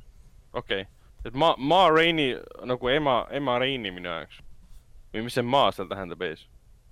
ma ei tea, aga seda võibki tähendada, et aga inimesed räägivad, et Viola Davis korjab sealt veel Oscari wow.. no võiks, ta on, ta on juba sada aastaid äh, tegelikult äh, väärt olnud. aga mul on kahju natukene kusjuures Anton Hopkinsist, sest ma arvan, et Anton Hopkinsi parima näitleja roll võetakse ära, sest et, et anda seda Chadwick Bose, Bose, Bosemanile. selleks, äh, noh jah, ühelt poolt ma ei ole kurb selle pärast, sest Boseman seda kindlasti ka väärib teiselt poolt on kurb, et Hopkinsi sugune ei saa järjekordset, järjekordset Oscarit uh, kaks väga tugevat sooritust, jah, ta, sest huvitav, et ähm, ta on ise võitnud ju kokku näitlemise eest ainult ühe, ühe Oscari. üheksakümmend kaks Voonekeste vaikimine. jah, täiesti uskumatu, jah. ja ta on vahepeal teinud mitu Oscari väärist rolli. ta oli oota, ta oli kunagi, kunagi üks hästi hea film oli see, kus ta oli see, issand jumal, mäleta seda nimi tuli Brad Pittiga see no. sügislegendid või? jah, kas vist see oli vist, lihtsalt oli terve hunnik filme, mis minu arust oleks pidanud tegelikult olema nagu noh, ka, aga samuti on, no ma samal ajal on nii palju häid filme kogu aeg ka, nii et ma räägin, see ongi väga konkurentsi heavy äh, koht sul, kus sa nagu oled. selles mõttes, et kui sa teed, ükskõik kui hea filmi sa teed, on alati kuskil keegi andekam, keegi tuleb mingi uue ideega välja. no jaa, aga samas on positiivne, et on hea valida andekate inimeste vahel mitte mingisugune poliitiline valik, üks poliitiline valik ajab teist taga. no on, aga, aga sinnapoole Oscar, Oscar muidugi liigub, sest mind ilgelt häirib iga no, keegi, aga rääkima, rääkima mingit diversity crap'i mul suust välja. vali selle järgi, kes on kuradi parim, noh või. et, et, et, et ära sunni mingit mõttetut sinna kriteeriumit sinna peale. parim režissöör on valid parimate režissööride hulgast. ainult tööde põhjal teed selle kuradi hinnangu. Mitte nii, et sul peab olema Võim- nii palju võimalused, võimalused tuleb anda kõigile, võimalused tuleb anda kõigile, sest ainult siis me saame, noh, tõeliselt õitseda. aga valikuid peab tegema kvaliteedi põhjal, M- mitte millegi muu. mina ei, ma ei kujuta ette, kui keegi annaks mulle auhinna, ma ei tea, umbes, ma ei tea, best score for a white man, mul oleks nagu, ma tahan lihtsalt olla best, best, best score, noh, ma ei taha olla mingi best score for a white man. no ma ei kujuta ette, kui sa oled nagu noh, naine ja siis keegi ütleb, oh, it's, it's a good job for a woman. see on nagu ähm, okei okay,, et noh, nagu what nagu what the fuck, vaata. noh, et pigem ma räägin, sa tahad ikkagist ju võita nagu selliselt, et kui sa vaatad seda kuradi trofeed või oma karikat, et see on minu oma, mina teenisin selle välja ja ongi kõik, mitte nii, et oh, ma sain selle pärast, et ma ei tea, mul naine, naine, lapsed sured, sured ära, kõik hakkas must kahju. võta Oscar. ei, ma tahan saada selle eest, et, et ma tegin filmi, mis on parem kui teised või ma tegin sulle parema rolli. aga noh, see on äh, fantaasiamaailm. aa, üks asi mul jäi rääkimata ma unustasin üldse ära, mul polnud kirjaski uh,. Star tracki kolmas hooaeg sai läbi. see Star nii. Star track The Discovery uh,, kolmas hooaeg sai läbi. mis on, mis on veider, sest nad olid algselt lubanud teha kuusteist episoodi, aga nüüd oli kokku kolmteist. Eks ma kardan, et uh, siis Covid või midagi, äkki siis või uh, või siis äh, seal oli liiga palju neid No, imelikke episoode, nad lõikasid välja kõik need. siis ma ütlen küll, peale seda hooaja lõppu ma olen Star tracki fännidega nõus. Star track Discovery'st läks üks potentsiaalselt parimaid, üks, üks, üks sitemaid Star tracki, mis on tehtud. täiesti üks sitemaid, vau, see on päris äh, julge, julge väide. nii kiiresti läks alla lihtsalt. Esimene hooaeg oli saast, sest kõik oli selle Michael ümber, kosmoses tuhande aasta hiljem kõik usutavad, et ta on mustanahaline. mul oli lihtsalt, mul oli mind blown, ajuvaba. mul oli lihtsalt mind blown. sa ütled seda kuradi kohe kolmemeetrisele tulnukale, kellel on mingid tunded on käes. onju, ma nagu, onju, mul oli lihtsalt oh my god, ta ainult nuttis, ta ainult, mul oli nii koblakas eest sellest karakterist nagu. Aga noh, Star, Star tracki fännina sa ikka nagu oled kohustatud või tunned kuidagi kohustust seda vaadata. vaatasid teise hooaja ära, issand. teine hooaeg on ju päris asi, Star track. onju, karakterid, värgid, särgid, story'd, stuff'id käivad, issand, kui hea asi. onju, hakkab, hakkab nagu looma. kolmas hooaeg algab, oh, sama tempoga oli nii kihvt, kolmanda hooaja mingi keskeni välja. kurat, Star, track Discovery'st võib, võib saada asi.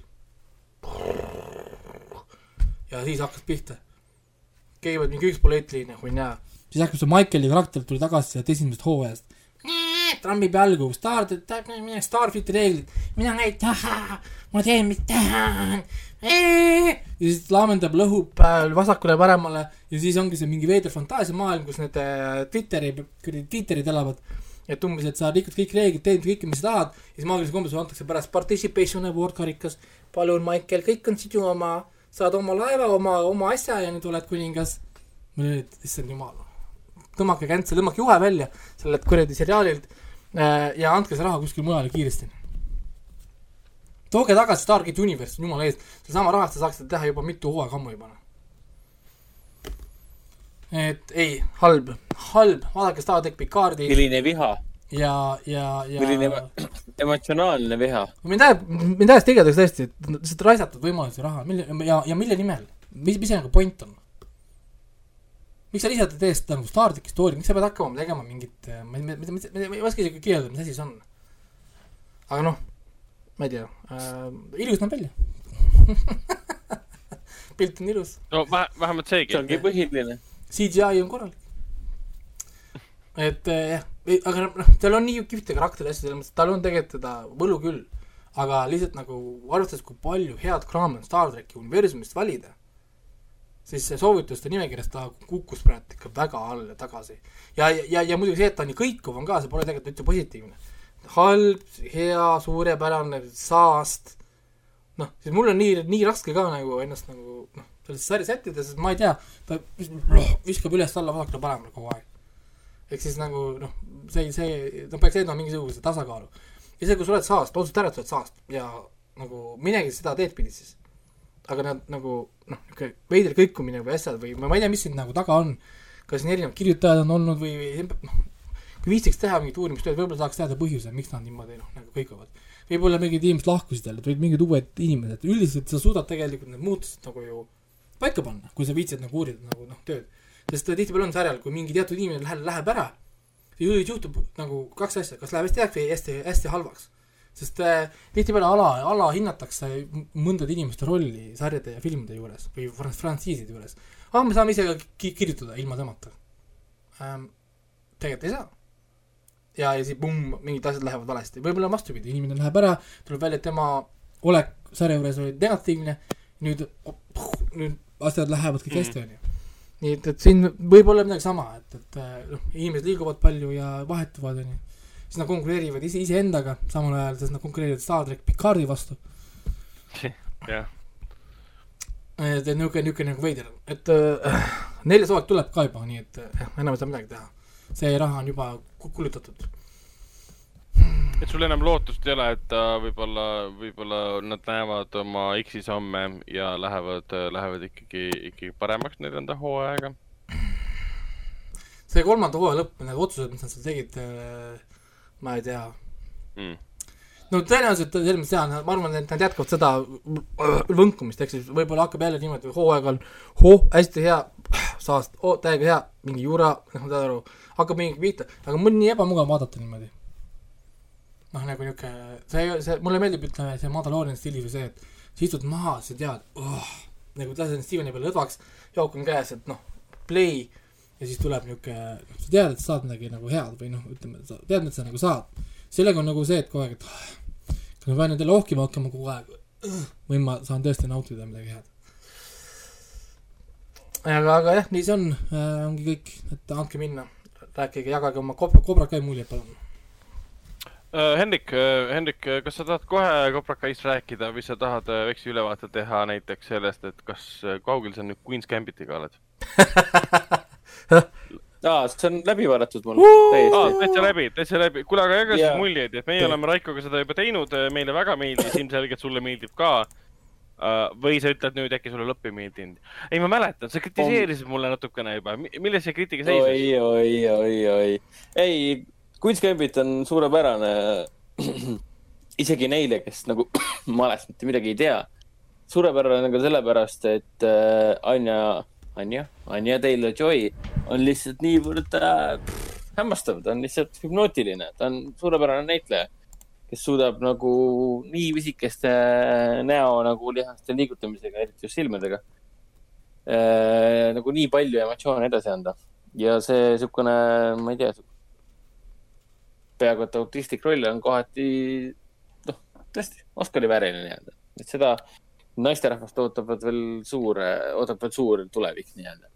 sari ise ka muidugi väga hästi, kõik episoodid on vajalikud, see, seda on nagu väga hea tõdeda, et limited series küll ehk siis miniseriaal, aga kõik episoodid on vajalikud, kordagi ei tegi tunnet, et ah, miks seda episoodi siis vaja oli, kas see on mingi augutäide, ei olnud äh,. draama toimib, kõik toimib, ta on väga hea seriaal selles suhtes aga päris alguses, kui me seda vaatama hakkasime või no vaatama hakkasin, siis äh, nagu mingit meeletut vaimustust nagu ei tulnud ja ma tundsin, et see on siis sellepärast, et ma olen seda nii hilja vaatama hakanud.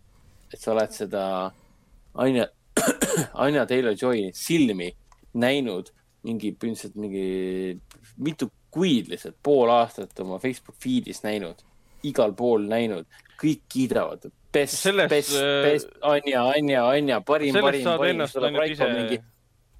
No ja, ja siis tuleb. Raiko, ütleb, et issand jumal, nii hea, siis tuleb Ragnar, issand jumal, nii hea ja siis mina aasta, aasta lõpus äh, või siis aasta lõpus hakkasin lõpuks vaatama, kuu, kuu, jaanuari alguses siis lõpuks lõpetasin, et äh, jah, ma muidugi liitun äh, kisakooriga, et äh, nii ongi. see, kui sa tahad näha väga head draamat, mis tõmbab sind kaasa ja, ja sa ei saa enne tegelikult lõpetada, kui sa pole seda lõpuni vaadanud. Sa ei saa enne lihtsalt rahule, minge ja jää rahule, ta on tõesti, tõesti igas mõttes nii režii kui ka stsenaristika poolest ja näitlejate poolest väga pikk seriaal. ja lihtsalt tahaks ka seda rõhutada, et siin ma just vaatan seda The Terrori teist hooaega ka Amazon Prime videos ja seal ma tunnen küll, et neil on seal äh, üheksa osa äkki oli ja seal on küll tunda, et äh, miks neid episoode nii palju on. et äh, nii mõnegi oleks võinud, ei kümme episoodi isegi. Ja seal tekib küll tunne, et eh, miks neid nii palju on, ei ole vaja nii palju. ja mm, sellesamuse Queen's Gambitiga oli kogu aeg tunne, et ma saan kogu aeg nagu mingis mõttes targemaks nii-öelda. eriti just seetõttu, kuidas see asi on lavastatud. mõned stseenid, kuidas siin äh,, issand jumal, mis selle kauboi tüübi nimi nüüd oligi, Penny või? jah, oli vist Penny või? Penny.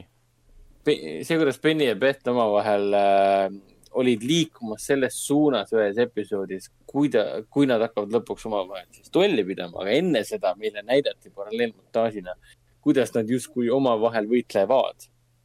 aga ometigi nad võit-, need mängivad teiste mängijatega, et mõned väga nupukad, väga nagu ägedad stiilsed viisid, kuidas nagu arendada nagu sisu kiiresti, kaunilt ja hästi, hästi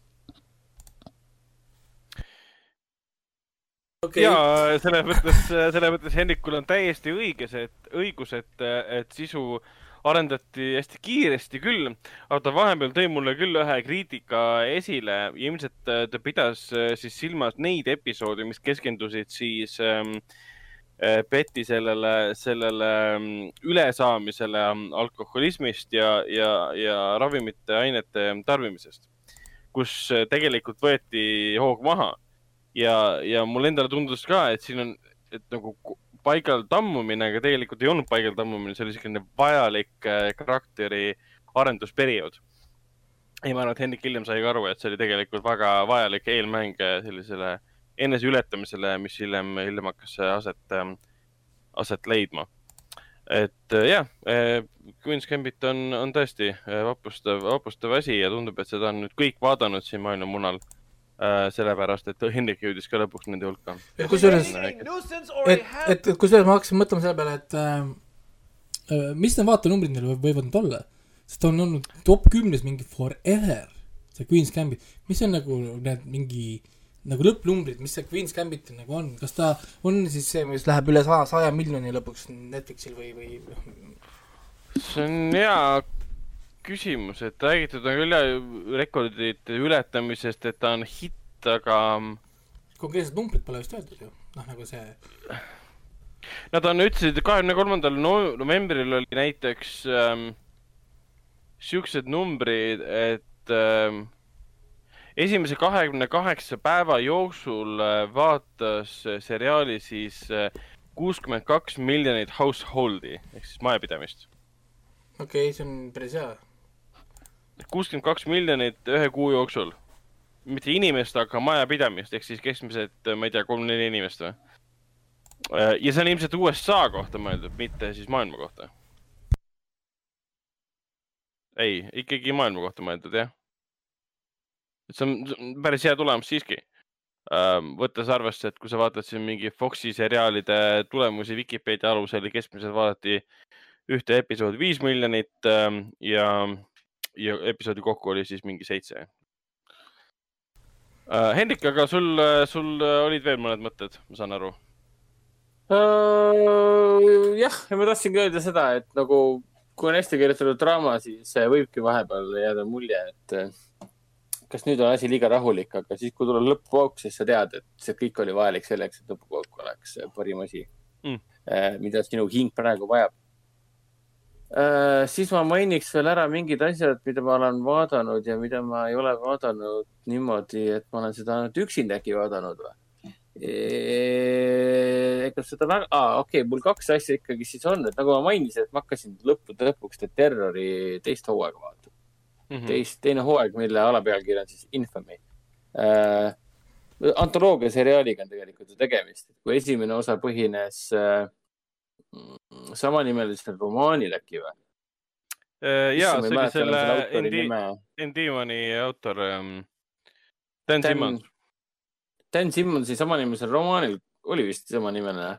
ja, ja, ja kus oli kõik tuntud näitlejad, see meie Tšernobõli armastatud näitleja ja, ja siis see Sharon Hinds ja väga äge niisugune talvine õudus, kus läbi tuulispasa teemalik olevus inimesi ründab, siis teine hooaeg on hoopis teine nagu teisest, teisest killast nii-öelda.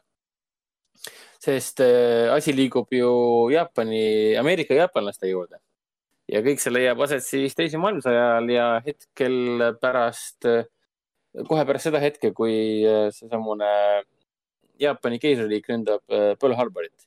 ehk siis see räägib sellest, kuidas Ameerika jaapanlased pandi kõik laagritesse.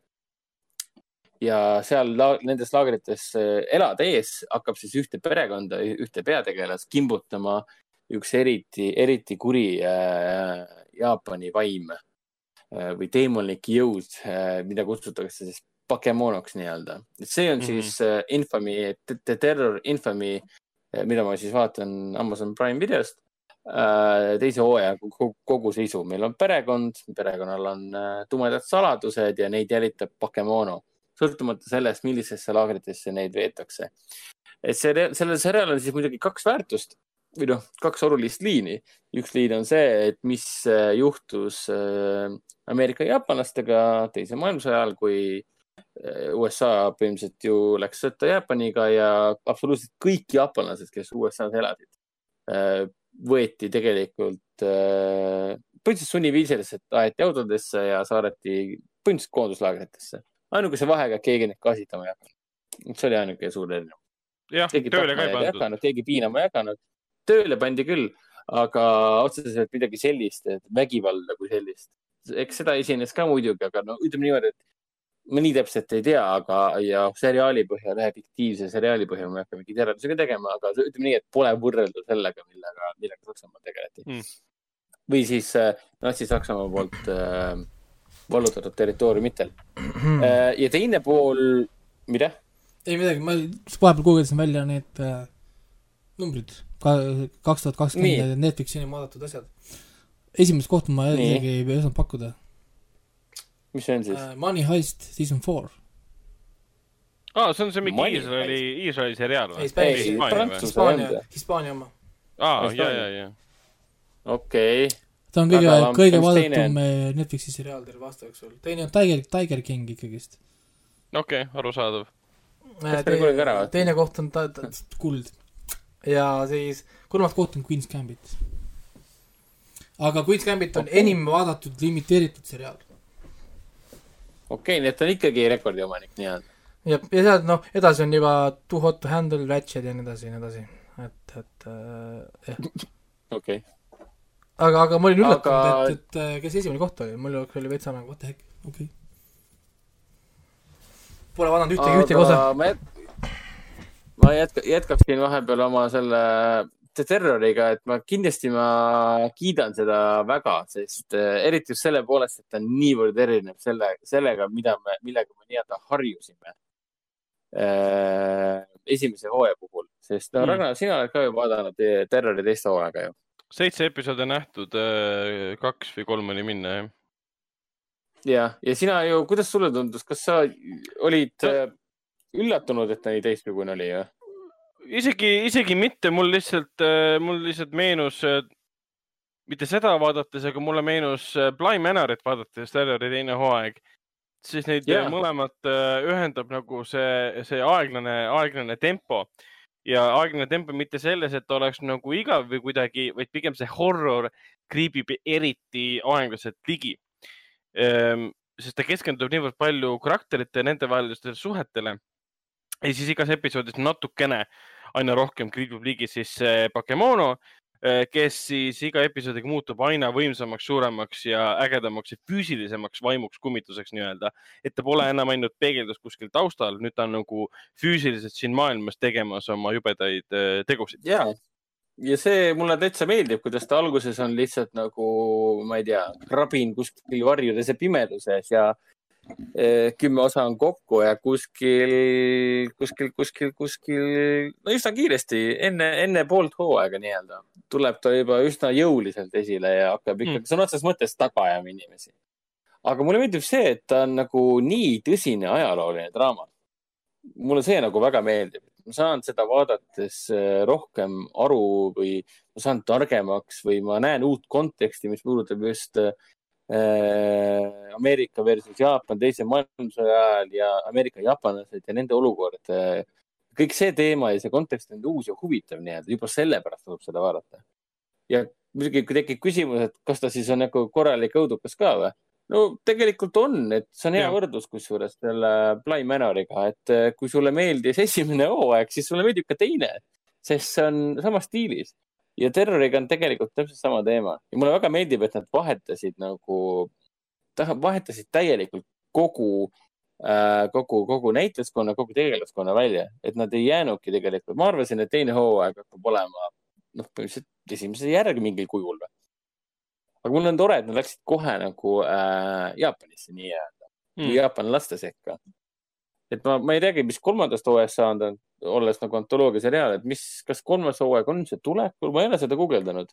see on hea küsimus. sest miks sellel omal ajal räägiti sellest nii palju, oligi ju ainult selle tõttu, et seesamune äh, Ridley Scott on ju selle sarja üks äh, produtsentidest. ja kuna esimene, esimene, esimene seesamune, esimene hooaeg oli ju noh, nii ägedate, ägeda, ägeda story'ga kõik see laev, kes jääb kinni kaugel-kaugel Arktikas, kui ma nüüd ei eksi. ja kõik meie lemmiknäitlejad on seal peaosas, et noh, miks mitte. Jared Harris oli seal vist ju kogu hooaja suhtes kandev roll. Sharon Hins vist tegi lühi-, lühema rolli nii-öelda, no spoilers. Aga kolmanda hooaja kohta on kõige värskem uudis, pärineb, pärineb isegi, isegi tänasest, tänasest päevast mm. deadline'i äh, vahendusel, et AMC andis teada, et nad praegu Ridley Scotti, siis selle Scott Free Productionsiga äh, arutavadki kolmanda hooaja võimalusi. et äh, Scott Free siis pakub neile erinevaid pitch'e, et milles äh, see kolmas hooaeg võiks seisneda, millises ajaloolisest perioodist või, või kelle või mille ümber ja nad tahavad kindlasti seda teha ja ilmselt tulevad siis sinna sarja, sarja rooli taha uued inimesed täitsa. sest teises hooajas olid juba üsna, üsna samad inimesed, kuigi seal olid ka põhiinimesed vahetunud. no produtsent oli küll sama, aga nagu nimed on tegelikult juba erinevad. et iga hooaja, ma saan aru, et iga hooaja nii-öelda suuremaks jõuks on nii-öelda oma, omad inimesed, kes valitakse just nimelt seda eh, hooaega Mm. mm. showrun'i ima. Aga ja, kolmas on, on täitsa tulemas. see on väga hea, sest mul on kaheksa episoodi vaadatud, ma vaatasin, jah, kaheksa ja mul on kaks jäänud. ja noh, ütleme nii, et siin on asju, mida ma enne seoses Queen's Gambitiga mainisin, et kui, kui, kui Queen's Gambitis ei olnud nagu üleliigseid episoode, siis selle kümne osa juures nagu tegelikult on tunda. Mingid asjad on nagu, nagu jõuliselt nagu juurde poogitud, et, et see, see osa justkui peaks olema ka ju siin. aga tegelikult nagu ei ole vajalikud et mul on, ma olen sellepärast natuke õnnetu, sest muidu ta mulle ikkagi väga meeldib. aga ta, need, need juurde pogitud nagu sisuelemendid nagu ei ole otseselt, sisuliinid ei ole otseselt häirivad. aga pigem tekitab sellise tunde, et ma tahaks juba, lähme nagu edasi, ses mõttes, et see ei ole nagu hädavajalik episood. aga noh, sellest sõltumata, siin on väga ägedad Jaapani päritolu ja üldse Jaapani näitlejad enamik neist on nagu suhteliselt tundmatud, aga kõik mängivad väga hästi, eriti just see, kes mängib meie, Derek Mio vist oli tema nimi, kes mängib siis sarja peategelast Chesterit, et ta ta on niisugune Ameerika japanlane ja seda on nagu näost näha ka ja hästi sümpaatne ja huvitav näitleja. Ja muidugi seesamune Bakemono ka, mul on väga kihvt, tema lugu on väga kihvt. see, kuidas see visuaalselt on väljendatud, et kuidas ta on tulnud, sa vist jõudsid ka nii kaugele, eks?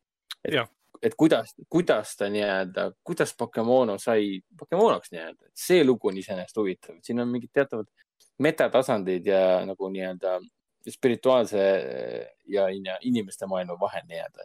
või mitte spirituaalse, vaid vaimude maailm. Et see, see on nagu väga kihvt ja, ja mulle, mulle kohutavalt meeldib, kui segatakse omavahel ajalugu ja, ja nii-öelda horror. ja kus nii ajalugu kui ka horror ehk siis üleloomulik horror on tegelikult samad asjad, sest ajalugu on ju, me kõik teame, fucked up. ehk siis sama asi, mis oli ka selles Bly Manoris nii-öelda, et asi toimib, lihtsalt natuke oleks võinud olla kompaktsem. nii, ja siis ma vaatan ka praegu, vahepeal avastasin, et eh, jess, lõpuks ometi on siis sinna Netflixi tulnud äh, Brooklyn Nine-Nine'i äh, kuues hooaeg äh,. sellepärast, et kuues ja seitsmes hooaeg on ju vahepeal sarjale välja tulnud.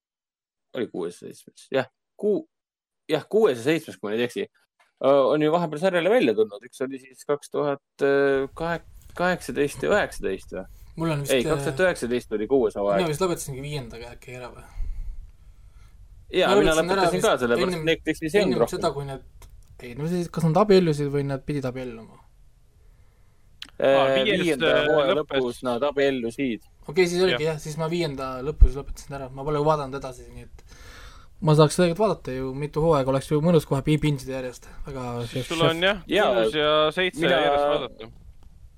mina olengi seda nüüd absoluutselt teinud, sest need on mõnusad lühikesed episoodid, kõik on mingi kakskümmend üks minutit ja kõige toredam on ka see, et see on ju niisugune klassikaline komöödiaseriaal, kus on nagu hullupööra episoode.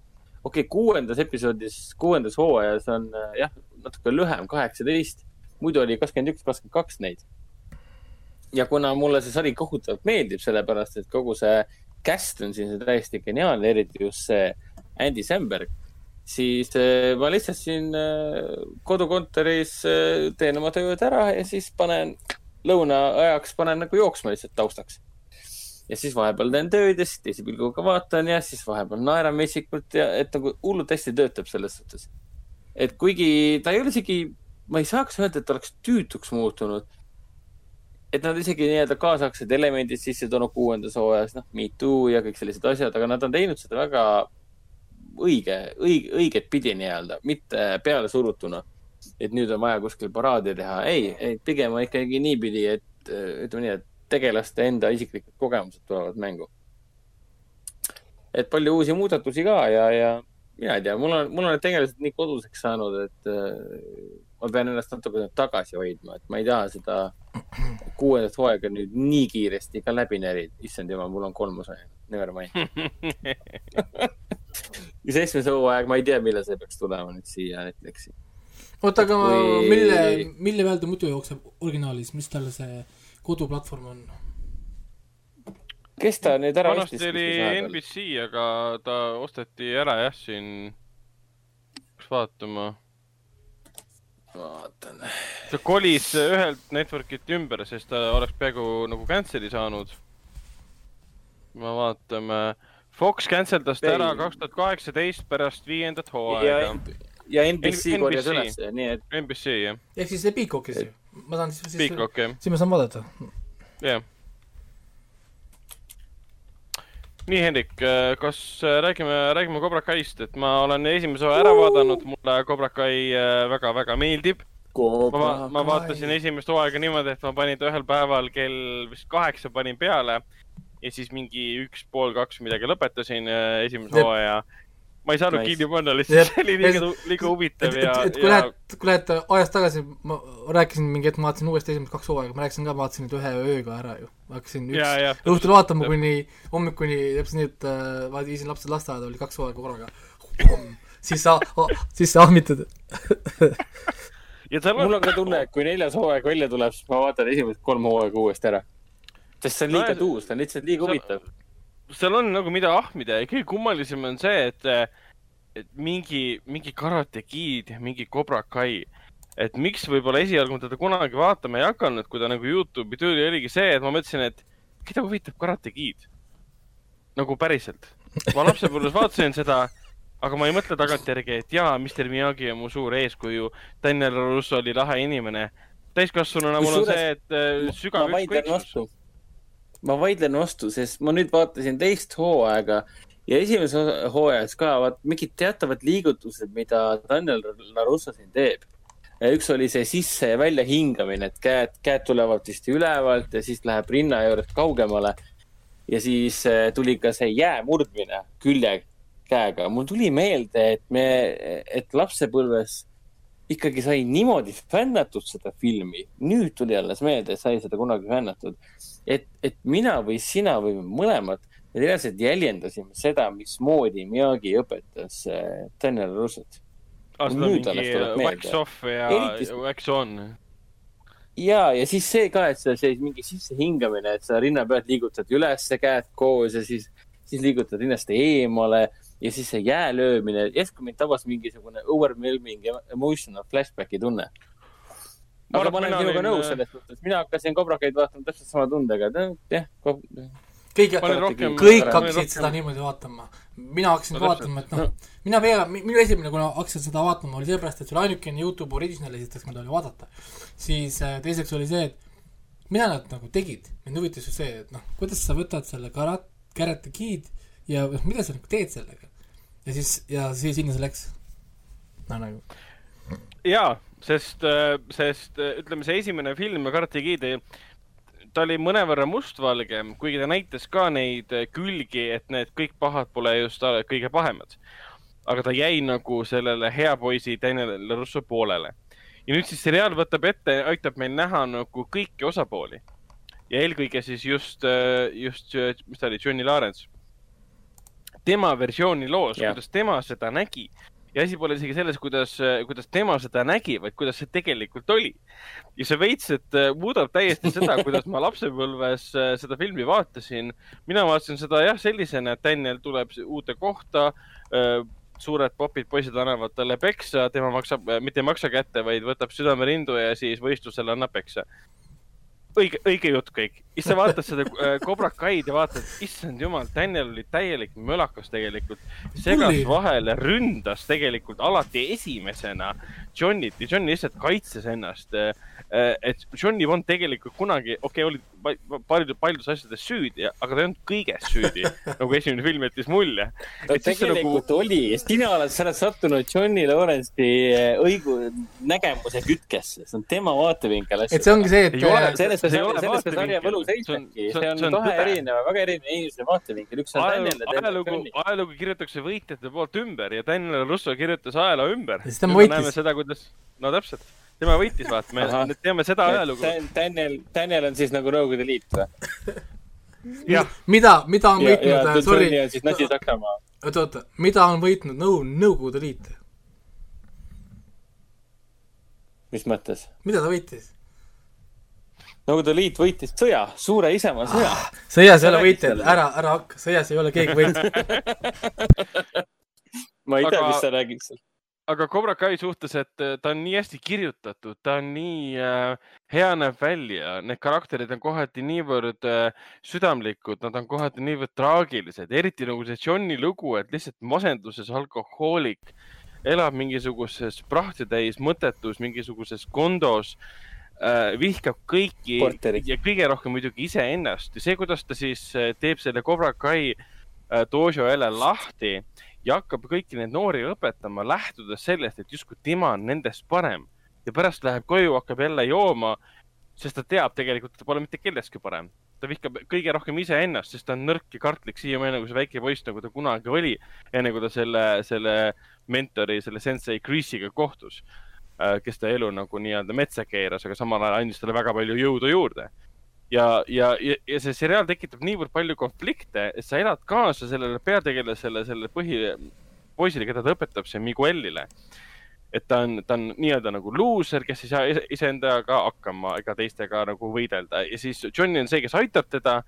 ja siis, kui ta lõpus on muutunud Miguel täielikuks mölakaks nagu Migu-, selleks Cobra Kai mölakaks, kelle, kelle, ta on nagu Johnny Karate Kidis põhimõtteliselt ja siis sa näed seda, et sa ühelt poolt elad talle kaasa, et jah, ma tahan, et sa võidad, aga teiselt poolt vaatad, issand, ta on samasugune mölakas, nagu oli Johnny äh, esimeses Karate Kidis. ja Johnny ise saab sellest koha peal aru ka, et mida ma teinud olen. et see tekitab nii palju jaa. kahetisi emotsioone, et see, et see nagu õnneks ta aitab näha seda, et pole ainult olemas populaarset äh, halba poissi. et Johnny ise kasvas ka rikkas perekonnas üles ja siis tuli välja, mis elu see tegelikult oli seal, kuhu ta välja jõudnud on, et ei ole olemas niimoodi, et ja see isegi üks lause oli seal ka, et ja, et rikaste, rikaste inimeste eludes ei ole ka kõik normaalne või hästi, et.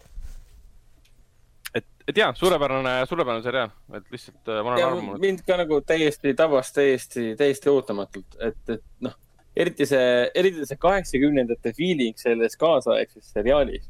kohe, kui tuleb mingi heavy metal või rock n roll või niisugune kaheksakümnendate sünd, niisugune soundtrack, siis kuidas tulevad mingi jah, tuleb sihuke soundtrack'i niisugune element sisse, kuidas niisugune räige karate muusika käib, siis miskipärast nagu süda hakkab taguma kohe. Fuck yeah, see on kõige parem asi, mida ma elus vaadanud olen. ma ei tea, kuidas nad tabavad selle valemi ära lihtsalt, see on täiesti crazy. see on mingi Mandalooriani efekt, kui sa vaatad ühte episoodi, mõtled mingi, vau, see on nii hea. Mm. see on see- nagu armunud kohe. aga vaata äh,, nii palju kunagi rääkisin, vaata kui oli see, rääkisin sellest kolmanda hooaja uudistest ja värkidest, siis neil oli see tegijate lubadus kolmanda hooaja lõpus on see suur pomm, mida keegi ei oota, onju. ma vaatasin kolmanda hooaja ära, onju, pomm ei tulnud. mõtlesin, what the fuck. ja siis ma sain Mm. aru, et see pomm lükati edasi, sest nad, nad lasid juba kohe neljanda hooaja. siis oli oh, no, kus oli minu pomm? aa, okei okay., no see ei olnud otseselt nende süü. ja neil ju algselt nagu mõeldud, et nad teevad suure pommi, vaata umbes, ja siis saavad äkki uue hooaja midagi, aga kui neile anti uus hooaeg juba ennem, siis nad, nad hakkasid mõtlema juba noh, nagu noh, öelda mitte ühe hooaja raames, vaid juba nagu hakkasid juba nagu noh, nagu laiendama seda. aga jah, oota, kaugel sa oled nüüd, sul on esimene hooaeg vaadatud või? või minul on esimene hooaeg vahetud, vend äh, Hendrik juba alustas teise hooaega. Ma olen teise hooaja neljandas osas. teise hooaja lõpul Ootan väga kolmandat. ma ootan väga sinu reaktsiooni teise hooaja lõpule. no esimese hooaja lõpp oli umbes juba selline, et no üks asi on nagu see, et esimese hooaja lõpp oli nagu, nagu Karate Kid esimene. teine asi oli see, et kes esimese hooaja lõpus nagu välja ilmus. see on kõige veidram, et mul ei ole, mul ei ole, mul ei ole sellest tegelasest nagu ma en- enda arvates seda sarja vaatama hakates, mul polnud sellest, sellest, sellest tegelasest nagu sooja ja külma, aga mulle ikkagi tundub, et kuskilt sügavast sisimas ilmuvad tõesti mingid mingid, mingid flashback'id tulevad välja, millest mul polnud aimugi. ja kui ta lõpuks välja ilmus oma kuradi sigariga, siis ma mingi, oh my god, see on tema päriselt ta on tagasi ma ei tea Oi, nagu. oi, sa hakkad seda- imelik. oi, sa hakkad seda vihkama, seda karakterit, noh. ja neljanda osa lõpus ma vaatasin siin seda ja mõtlesin, et ah sa kurat. kui saaks anda kirisin tutlakat tagasi ka veel. saaks anda sellele vennale, vastu pead. ja neljas osa oli see, kus tuli välja see tema, ärme seda nimeta, tema taust nii-öelda jah, ja, ja, ja siis ta võttis üle nii-öelda os- osa lõppu, siis ta ütles selle lause. kui sa keerad, see on see, mis see oligi, et kui su vaenlane keerab sulle selja, siis on kõige parem aeg rünnata. Siis ma mingi, ah sa kurat, ta keerab persse. nojah, siis ma Oi. ei jõua ära oodata, et homme, oi, sa vihkad homme hommikul, hommikul, hommikusöögi kõrvale saaks kohe hakata viiendat ja kuuendat ja seitsmendat. oi, see, sa hakkad, See see see, kolmas hooaeg käib tema ümber, nii et äh, no, no, naudi, enjoy. musta raisk, noh. Sest- ja no mis puudutab seda, et mis meil see, meil kirjutati ka siin kommentaariumisse, et, et veits seebikas on kinoveebi siis. et on jah, on jah tõesti seebikas, aga ma ei tea, nii hästi kirjutatud seebikas, tõesti. Need stsenaristid siin on nagu kõik see William Sapka ja see Makio, Mat-, Matio, Makio, kuidas seda hääldab? Makio vist on ta, jah.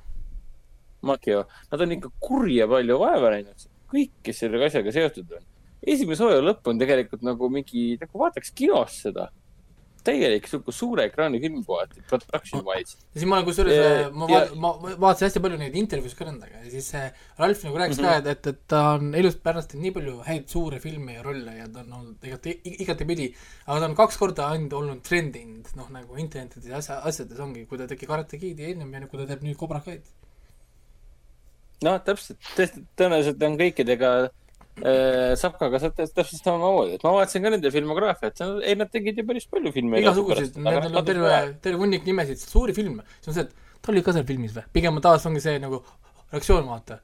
ta oli ka seal või, või noh nagu aga tuleb jaa, täpselt, et et, et jah, niisugust äh, hitti nagu polnud jah enam. ja siis muidugi ta alati rääkis ka, et, et ta pole kunagi arvanud, et ta tuleb tagasi Daniel äh, LaRusso rolli. La Russona ja ja ka Sapka ka võis võtta arvas, et kunagi juhtub. Johnny, see Johnny ei oli arva, ju et- põhimõtteliselt mingi kõrvalkarakter mingisuguses filmis, mis kadus ära, hiljem läks oma triloogiat ja värgid. ma arvan, et tal ei tulnud see kunagi selle peale, et see on nagu see Disney teeb praegult, et oo oh,, kuule, sa olid mingi multikas mingi õhupall, et sa saad oma, oma, oma seriaali nüüd onju. ja siis, ja siis äh, siin on sama, sama idee, vaata. sa olid esimene kar-, kar-, karate, olid olid esimeses Karate Kidis see vend, kes seal sai molli, vaata. sa saad nüüd oma ma seriaali ütlen, et see õhu, õhupall oli viimased paar aastat seal, ma ei tea, millal see app välja tuli, kümme aastat tagasi. see on päris kaua, jah. see õhu õhu, õhupall on mingi viimased kümme aastat oma elu elanud ja kuskil äh, räpases korteris alkohoolikuks hakanud ja järsku helistab sulle see kuradi Disney, et kuule, kuule, teeme su sarja mingi, oh my god, päriselt või? et noh, Sapkal pidi või noh, kõikidel nendel mõlemal pidi sama tunne olema kohati. et noh, tahaks nendega rääkida tegelikult, mõtlesin, et nad näevad mõlemad tegelikult nii head välja ja nad mängivad, nad näitlevad nii jõuavad hästi., jõuavad lüüa Igor- ja liigutada ja kakelda. jaa, iga kord, kui Sapka tuleb ekraanile, mul alati tabab sihuke tunne, et kurat, on äge mees ikkagi. sa oled nii piinatud, aga sa oled nii äge. no ma täiega hoian sulle pöialt ja siis, siis tuleb Daniel oma mingisuguse bullshit'iga jälle, et tema elu sitaks, sitaks keerata, et nagu kaua sa vihkad. kolmkümmend viis aastat on möödas juba, kolmkümmend kuus vist isegi, rahune maha nagu.. sul on ilus naine, sul on lapsed, sul on ülekaalune väike põngeras, kes tegelikult mängib mängiga. miks sa tema eest ei hoolitse, miks sa tegeled teise mehe lapsega nagu, mine tegele oma pojaga nagu. et siuksed küsimused tekivad kogu aeg, et nagu, mida sa siin jamad, nagu sul on, sul on ülekaaluline poiss kodus, miks sa ei õpeta talle midagi elus? Aga ta, ta ta juba tütre lõpetas, sellest piisab. nojah, tüdrukud on kõige tähtsamad, sest poisid surevad niikuinii noorelt ära, et jep, tuleb ikkagi inimkonda elus hoida. nii, tõsi, aga jah, aga enne me, räägime enne, liigume, liigume edasi, ma mainiks ära, et ma alustasin Netflixis selle Night Stalker The Hunt for a Serial Killer vaatamisega. nii, esimesed, esimesed kaks episoodi ja esimesed kaks episoodi on, on, on vaadatud, vaatan, palju tal kokku neid oli. täitsa, täitsa põnev on, mina ei teadnud sellest, sellest Night Stalkeri nimelisest äh, kaheksakümnendatel siis äh, LA-s tegutsenud sarimõrvarist äh, mitte essugi. minu jaoks täiesti võõras maailm, kokku on ainult neli episoodi.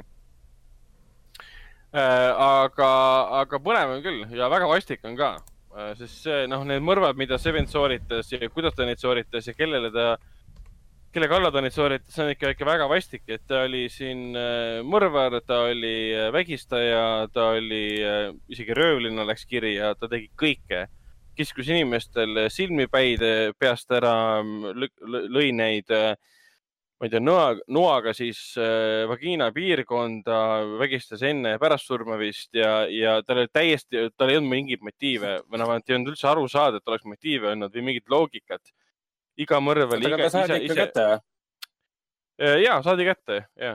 aga iga mõrv oli nagu isemoodi ja iga, iga sooritus oli isemoodi ja ta valis täiesti juhuslikult ohvreid ja see oli nii, nii kummaline ja aga kuidas see noh, dokumentaalfilm on tehtud, see on nii tüüpiline Netflixi selles, selles mõttes äh, nägemus sellest, et sul on omaaegsed siis detektiivid, keda esimeses episoodis tut- tutvustatakse pikemalt, räägivad, kuidas nad said siis äh, kokku ta- tegid task force'i ja hakkasid siis seda mõrvarit taga ajama ja kus oli siis, kus oli, kuidas see kõik välja nägi, see esialgne arusaam, et meil ei ole erinevad mõrvarid, meil on üks mõrvar ja, ja kuidas toona noh, oli samamoodi, et, et see toimub erinevates piirkondades mõrvad, igas piirkonnas on oma detektiiv.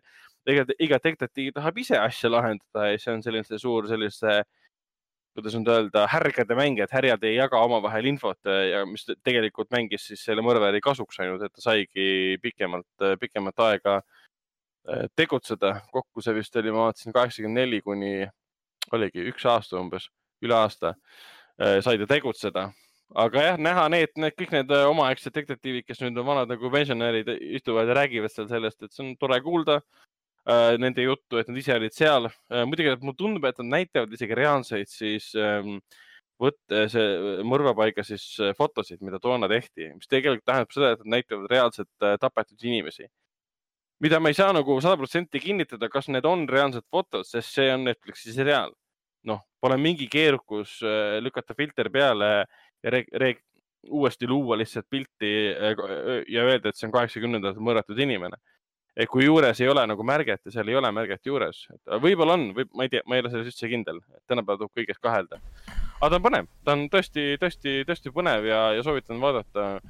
eriti kui asi puudutab äh, sarimõrvareid, et mina olen, noh, Netflixis ma olen hakanud neid sarimõrvarite asju nüüd vaatama rohkem aga mul on pigem see, et ta peab olema huvitavalt tehtud ka, mulle sellest ei piisa, et ta tappis kümme tuhat inimest ei, ja ta oli hästi julm mõrvar. mulle sellest ei piisa, see, see vorm peab olema huvitav, vorm peab olema põnev. et muidu, muidu ma ei jää vaatama lihtsalt, et see on, kõlab hästi küünilisena, et minul peab, mul peab olema hea meelelahutus, et vaadata lugu sellest, kuidas, ma ei tea, Ted Bundy kätte saadi, et noh, see peab olema selles mõttes ikkagi muidu ma ei vaataks, ma ei ole mingisugune hull inimene, et ma lihtsalt vaatan sellepärast meelevaldselt kõiki neid äh, seriaale, et vaadata, et näe, kuidas mingi tapja kaheksakümnendatel, seitsmekümnendatel inimesed mõrvas. et äh, jah, sihuke asi ja siis ma vaatasin esimesed äh, neli episoodi ära siis äh, Ridley Scotti lavastatud siis dokumentaalseriaalist äh, Pretend it's a city, mis räägib Aa, siis jaa, äh, jaa.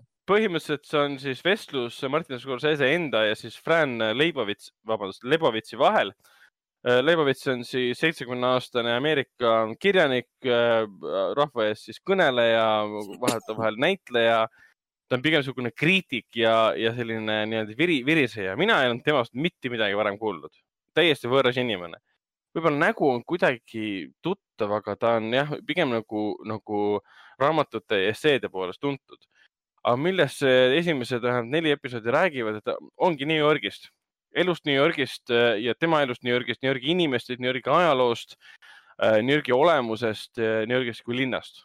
ja miks ta on Pretend it's a city, ongi sellepärast, et see on siis äh, Fran'i enda siis kommentaar selle kohta, et kui tema käib äh, linnas ringi tänapäeval New Yorgis, siis kõik jalutavad tema ümber näod siis mobiilides, keegi ei vaata, kus teine inimene läheb ja tema on ainus, kes siis kõnnib oma rada ja kõik nügivad teda. ja siis tema on justkui süüdi, et miks sa mulle vastu tulid, et ma küll ei vaadanud tee peale, kuhu ma lähen. ja siis äh, Fran'i kommentaar oligi see, et aga, aga äkki sa käitud, et sa noh, või noh, teestad, et sa oled linnas, kus on ka teised inimesed, mitte ainult sina ja sinu mobiiltelefon. ja tema see virisemine on täitsa huvitav, kuidas ta teeb inimesi maha, ta teeb, teeb käitumismalle maha ja ta on hästi niisugune aga hästi, ta teeb seda hästi sa- sardooniliselt ja kuidagi lakooniliselt ja selliselt sarkastiliselt ja tal on nii palju häid nagu mõtte, mõtteterasid seal ka. et ma pean tunnistama küll, et ma jäin vist kolmanda või neljanda episoodi juures jäin magama äh, teda vaadates, aga noh, ma vaatasin teda voodis pikutades mobiilist äh,, mis on arusaadav, sest tema hääl oli niivõrd rahustav ja see jutt oli niivõrd tore, et sa jäid seda kuulama, kuulama ja kui ma magama jäin, siis ma kuulsin seda juttu ka läbi une ja kui ma üles ärkasin, siis mul oli see, et mul, mul ei olnud tunne, millestki ilma jäin. see info jõudis ikkagi minuni. sest no enamus sellest, mis sa näed, on ikkagi, on, ongi lava peal on siis, kus publik on ka olemas, lava peal on siis Fran ja siis Scorsese. Scorsese vahetevahel midagi küsib ja Fran räägib ja mõnikord me näeme siis Frani New Yorgis kõndimas ka. et sihuke hästi huvitav selline pooleldi nagu esseistlik sihuke Q&A vestlus linnast, lihtsalt inimeseks olemisest kriitikast ja kõigest sellest, et ta ei ole filmikunstist ega mitte midagi, ta on pigem ühe suurlinna nagu elust, minevikust, olevikust, tulevikust ja täitsa, täitsa huvitav, soovitan, soovitan ette võtta.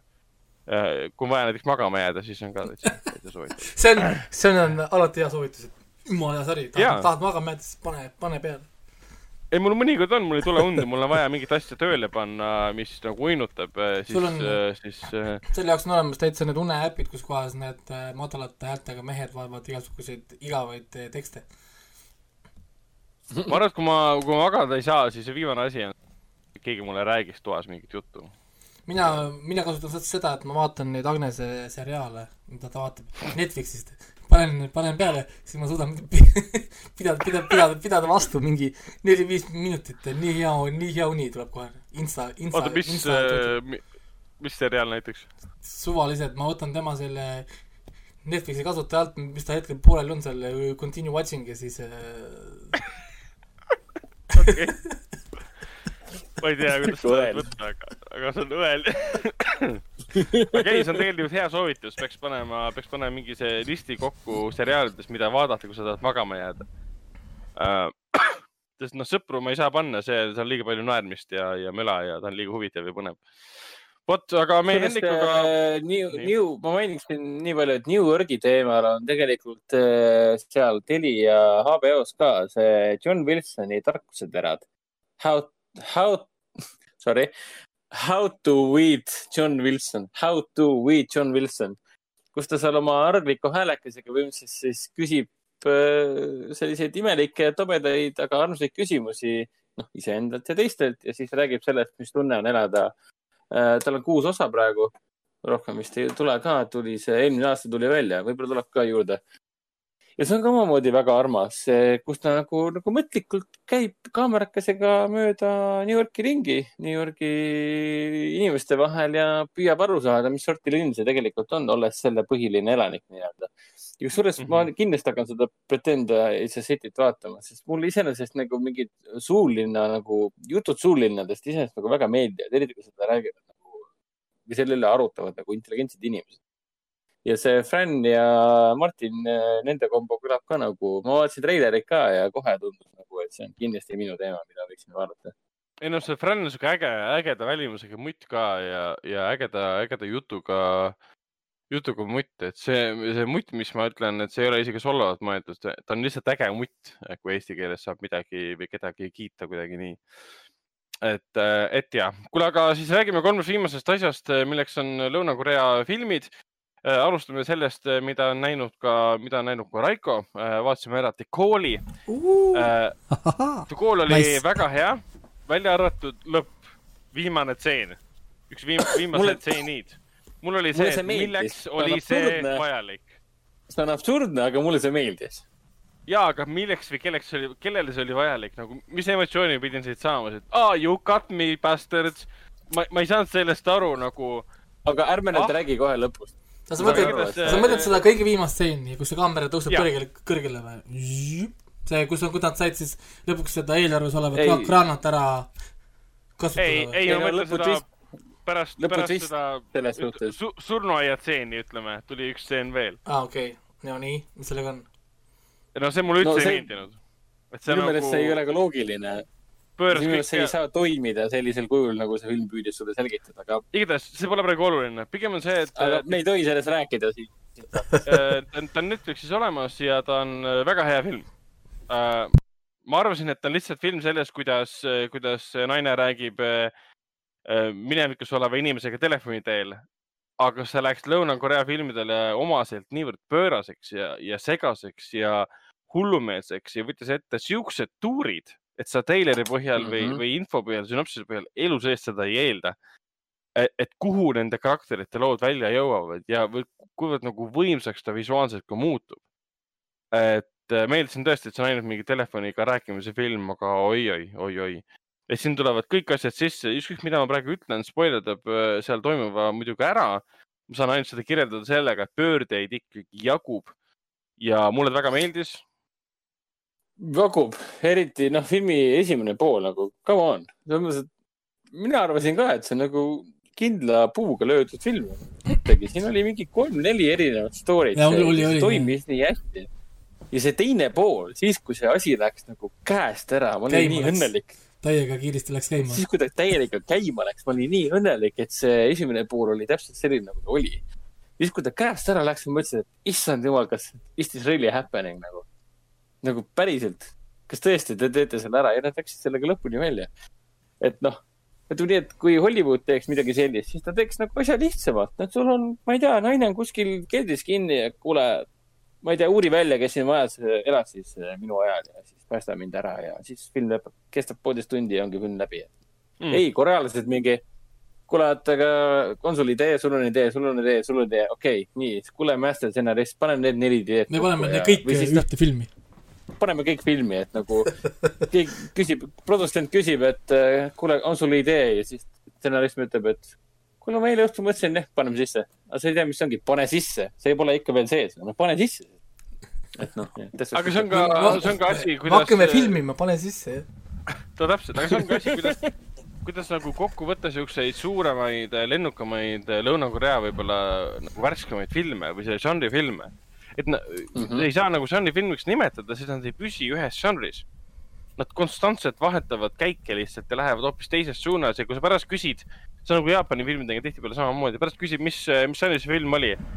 ma tahaks öelda, et ulmekas, aga noh, ma ei tea, ta algas draamana, tähendab, ta algas romantilise komöödiana, läks draamaks muutus sarimõrvari filmiks ja hakkas siis, hakkas siis äh, ulmekaks näiteks. et noh, mul on väga raske kirjeldada seda, mida ma just nägin.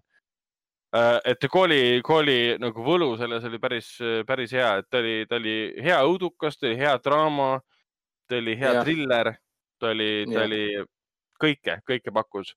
ja samamoodi, ääretult, ootamatu, ääretult, ääretult ootamatu. ma tahan seda uuesti näha, ma tahan seda uuesti näha kindlasti. jah, tõsi, ma vaataksin ka ja samamoodi pakkus elamusi ka siis äh, selle eelmisel aastal ilmunud Lõuna-Korea õudusmüsteerium äh, The Closet, kus äh, peaosas siis äh, Lõuna-Korea üks suurimaid äh, superstaare Ha Jung-Wo, kes on siis kõikides põhimõtteliselt Lõuna-Korea filmides viimastel aastatel kaasa löönud, me oleme siin saates ka no eri rääkinud., eri, eriti just nendes kahes suures hitis Along with the Gods'i film, mille kolmas Äh, osa on vist hetkel filmimisel. jah, ja tal on muidugi klassikalised filmid on tal Handmaiden ja Sea Chaser näiteks. Aga temal tuli jah, nime, filmi nimega Closet välja, mis on väga klassikaline selles mõttes isegi Hollywoodi stiilis natukene, kuna ta sarnaneb, ta on justkui segu äh, siis Conjuringist pluss Insidious. et äh, Conjuring selles mõttes, et sul on äh, isa, sul on tütar, kelle tütar läheb siis kaduma kodus olles kappi ja siis isa puutub kokku siis kas see on Aasia isa, kelle tütar läks kappi või ja ei taha välja tulla või? Raiko, võta kuidas, see on võta, kuidas tahad., see on õudusfilm, et see on see aasialaste kõige hirmsam, hirmsam unenägu. me peaksime siia mingi eraldi, me peaksime siia mingi eraldi kõlli panema, kui Raiko teeb mõne hea nalja, siis on see Raiko nalja, naljakõll. ei, siia peab panema selle ma tean, siia peaks selle, Jaana Linnu panema sealt sellest Linnu. Family Guy'st. See Family Guy kuulus Jaana Lind, see on see Family Guy ostrist laugh, kes te, kui keegi teeb nalja, siis see Jaana Linn istub üksinda kuskil auditooriumil ja vaatab ringi mingi ahaa, tühjus. aga selles hea. mõttes et tema tüdrak, tüdruk, tüdrak jah, tütar, väike tüdruk kaob kappi ära, ma ei ütle täpselt, mis, mis põhjusel. miski võtab ta kaasa ja siis see isa hakkab teda muidugi otsima, saamata aru, et ta sinna ära kadus ja siis ta muidugi kasutab siis sellise Conjuringi stiilis, isegi Insidiouse'i stiilis äh, äh, kummituseküttide abi ja nende kummise, kummituseküttide abil äh, läheb tema siis nii-öelda teise maailma tütart ära tooma. ehk siis ta on niivõrd sarnane sellele Conjuringile, kurikutsumisele ja siis, mis see Insidious eestikeelne vastuhelje, ma isegi ei mäleta praegu.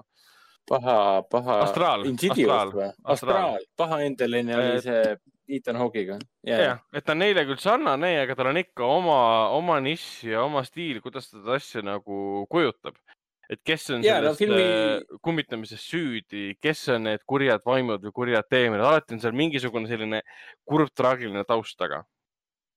Ja kuigi no filmi miinuseks, kasu, kahjuks räägib pigem vist see, et noh, et ta on just selline film, nagu sa kirjeldasid, sest noh, seda on juba tehtud päris palju. aga nagu pluss on see, et mina, kes ma olen väga suur Insidious ehk siis selle Astraali fänn, mul on niisugune tunne, et sisuliselt on äh, The Closet isegi parem kui äh, Insidious, sest emotsionaalset kaalu nagu sellist eri, eriti erilist inimlikku draamat ja emotsionaalset kaalu on selles Closetis kõvasti rohkem. kuigi tehniliselt, tehnilises kategoorias või lavastuslikus kategoorias on äh, Insidious muidugi parem või noh, mulle lihtsalt meeldib rohkem. võib-olla olen liiga suur James Vanni fänn ka, et noh. aga ometigi film, filmi lõpp läheb ikka väga südamesse. ma ei tea, kuidas, kuidas sinul, Ragnar oli, aga mul oli küll kohe niisugune tunne mingi, kas ma tahan mingi piserdada kuskile. Niisugune tunne tekkis kohe. ma tabasin, ikka- ma tabasin ennast mõttelt, et kas mul on piserdamistunne praegu või? ja ta surus ma emotsioonidele see tähendab, kui, kui mees tahab filmi lõpus nutta, siis ta nimetab seda piserdamiseks, et varjata oma mehelikke emotsionaalseid tundeid. Mm, okei True story um,. jah, ei, ta oli tõesti kurvemapoolne selline emotsionaalsem, emotsionaalsem lõpp ja selle, sarnaselt koolile oli ka selle lõpus siis selline ootamatu, ootamatu pööre no see ei olnud pigem pööre, see oli pigem see, et äh, näe, kõik kordub taas ja äh, mm, kui me nagu vigadest, vigadest ei õpi. aga liigume edasi viimase filmi juurde, milleks on Lõuna-Korea see romantiline komöödiadraama Love Nine One One. pärit on ta siis aastast, mis see nüüd oligi, aastast, aastast 2012. kaks tuhat kaksteist. päris vana film.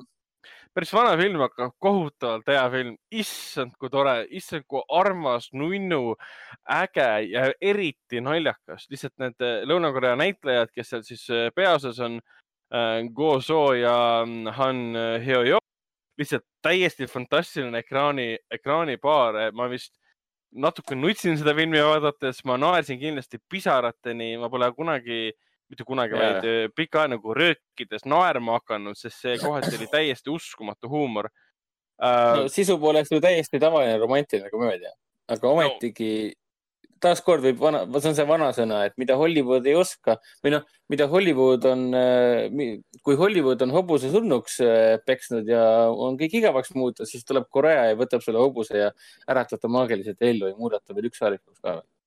põhimõtteliselt niimoodi võib kokku ja, ja lugu lugu, lugu on tal tegelikult äh, nagu lihtne või selline li,, lihtsalt tegelikult siin midagi ei ole, et ta on üsna, üsna keerukas. et sul on, sul on arst, kes õpib siis, õpib siis kirurgiks Lõuna-Korea haiglas, kes teeb ühe vea, mistõttu tal on võimalus, et ta jääb kohtuasja tõttu siis oma litsentsist kolmeks aastaks ilma.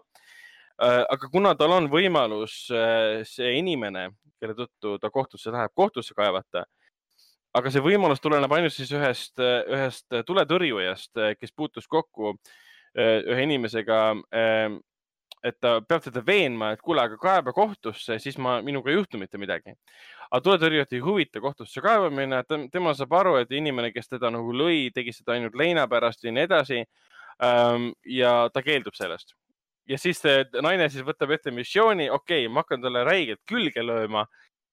et küll ta siis hakkab mulle meeldima ja, ja, ja küll, jah, täpselt hakkab meeldima ja siis, siis ta vastab minu nagu nendele nõuetele ka. Ja muidugi see kõik niimoodi ei lähe, sest tuletõrjujat absoluutselt ei huvita see naine, ükskõik kui ilus või kui palju ta üritab seda.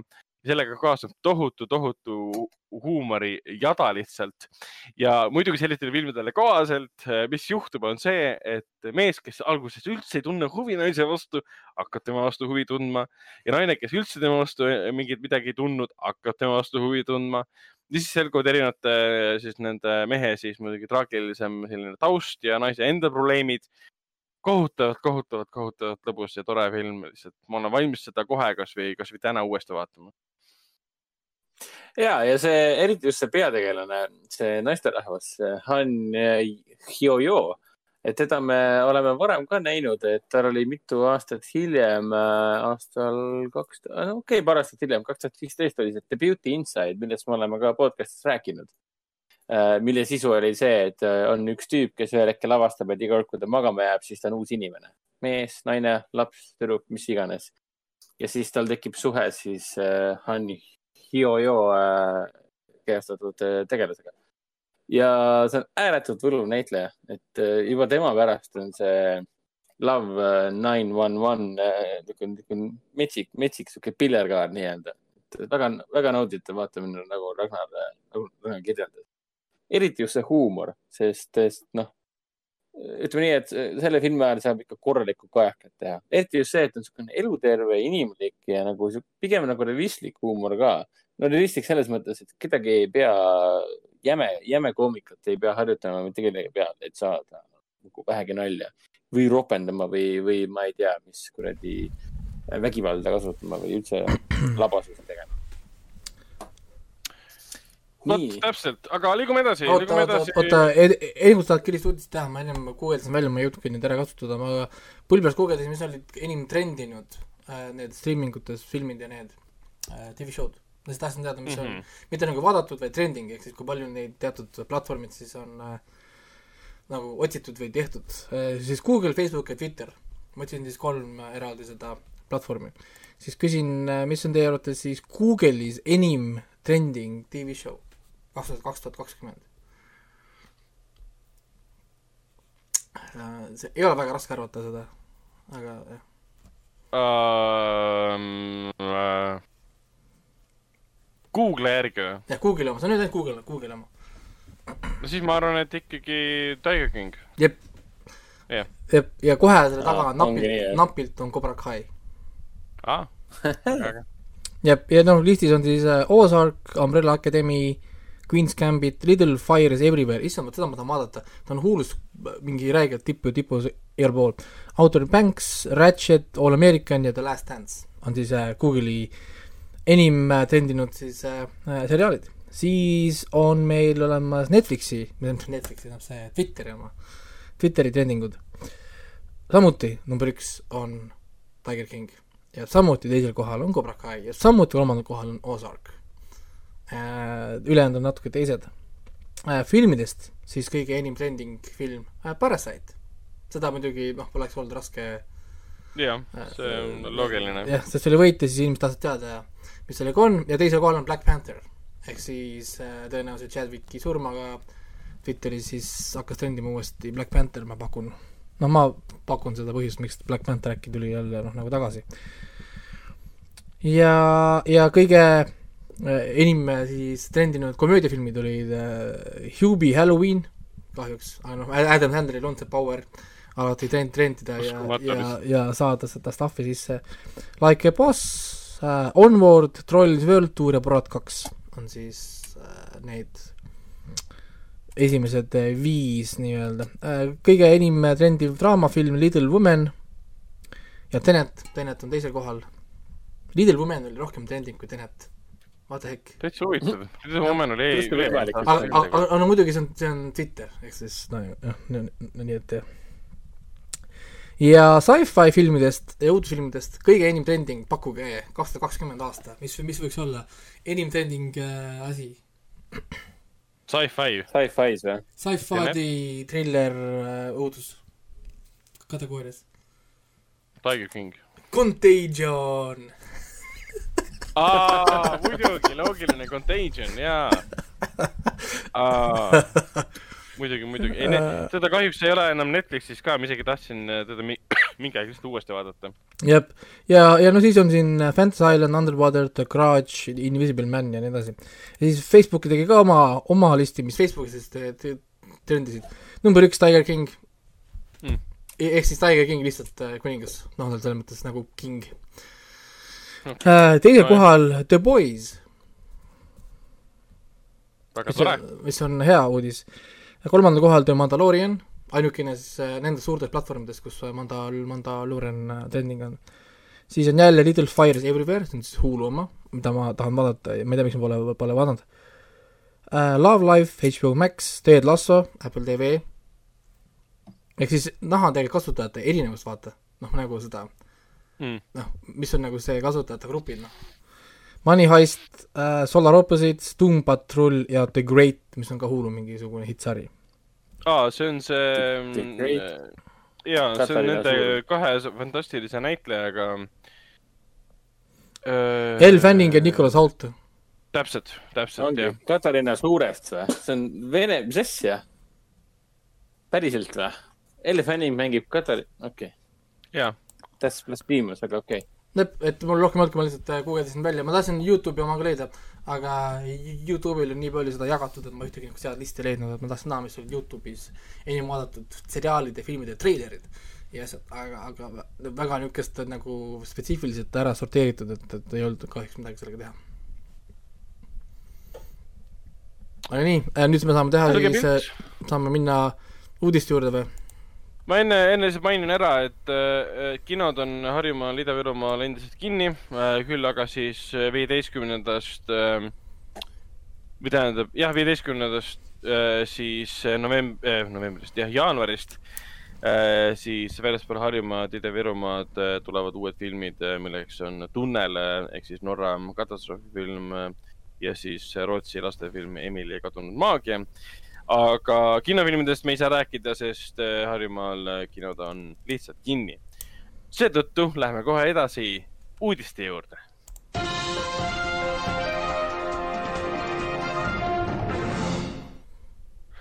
ja nii alustame, alustame kohe võib-olla sellise, sellise um, suurema uudisega, milleks on põhiasi uh, see, et Netflix laseb nüüd väidetavalt igal nädalal selle aasta sees välja uue filmi, äh, mis, äh, mis, mis ei ole üldse üllatav, võttes arvesse erinevaid kuulujutte, et nad on, nad on, olid valmis vahepeal ostma siis Godzilla versus King Kongi kahesaja miljoniga Warner Brothersilt ära.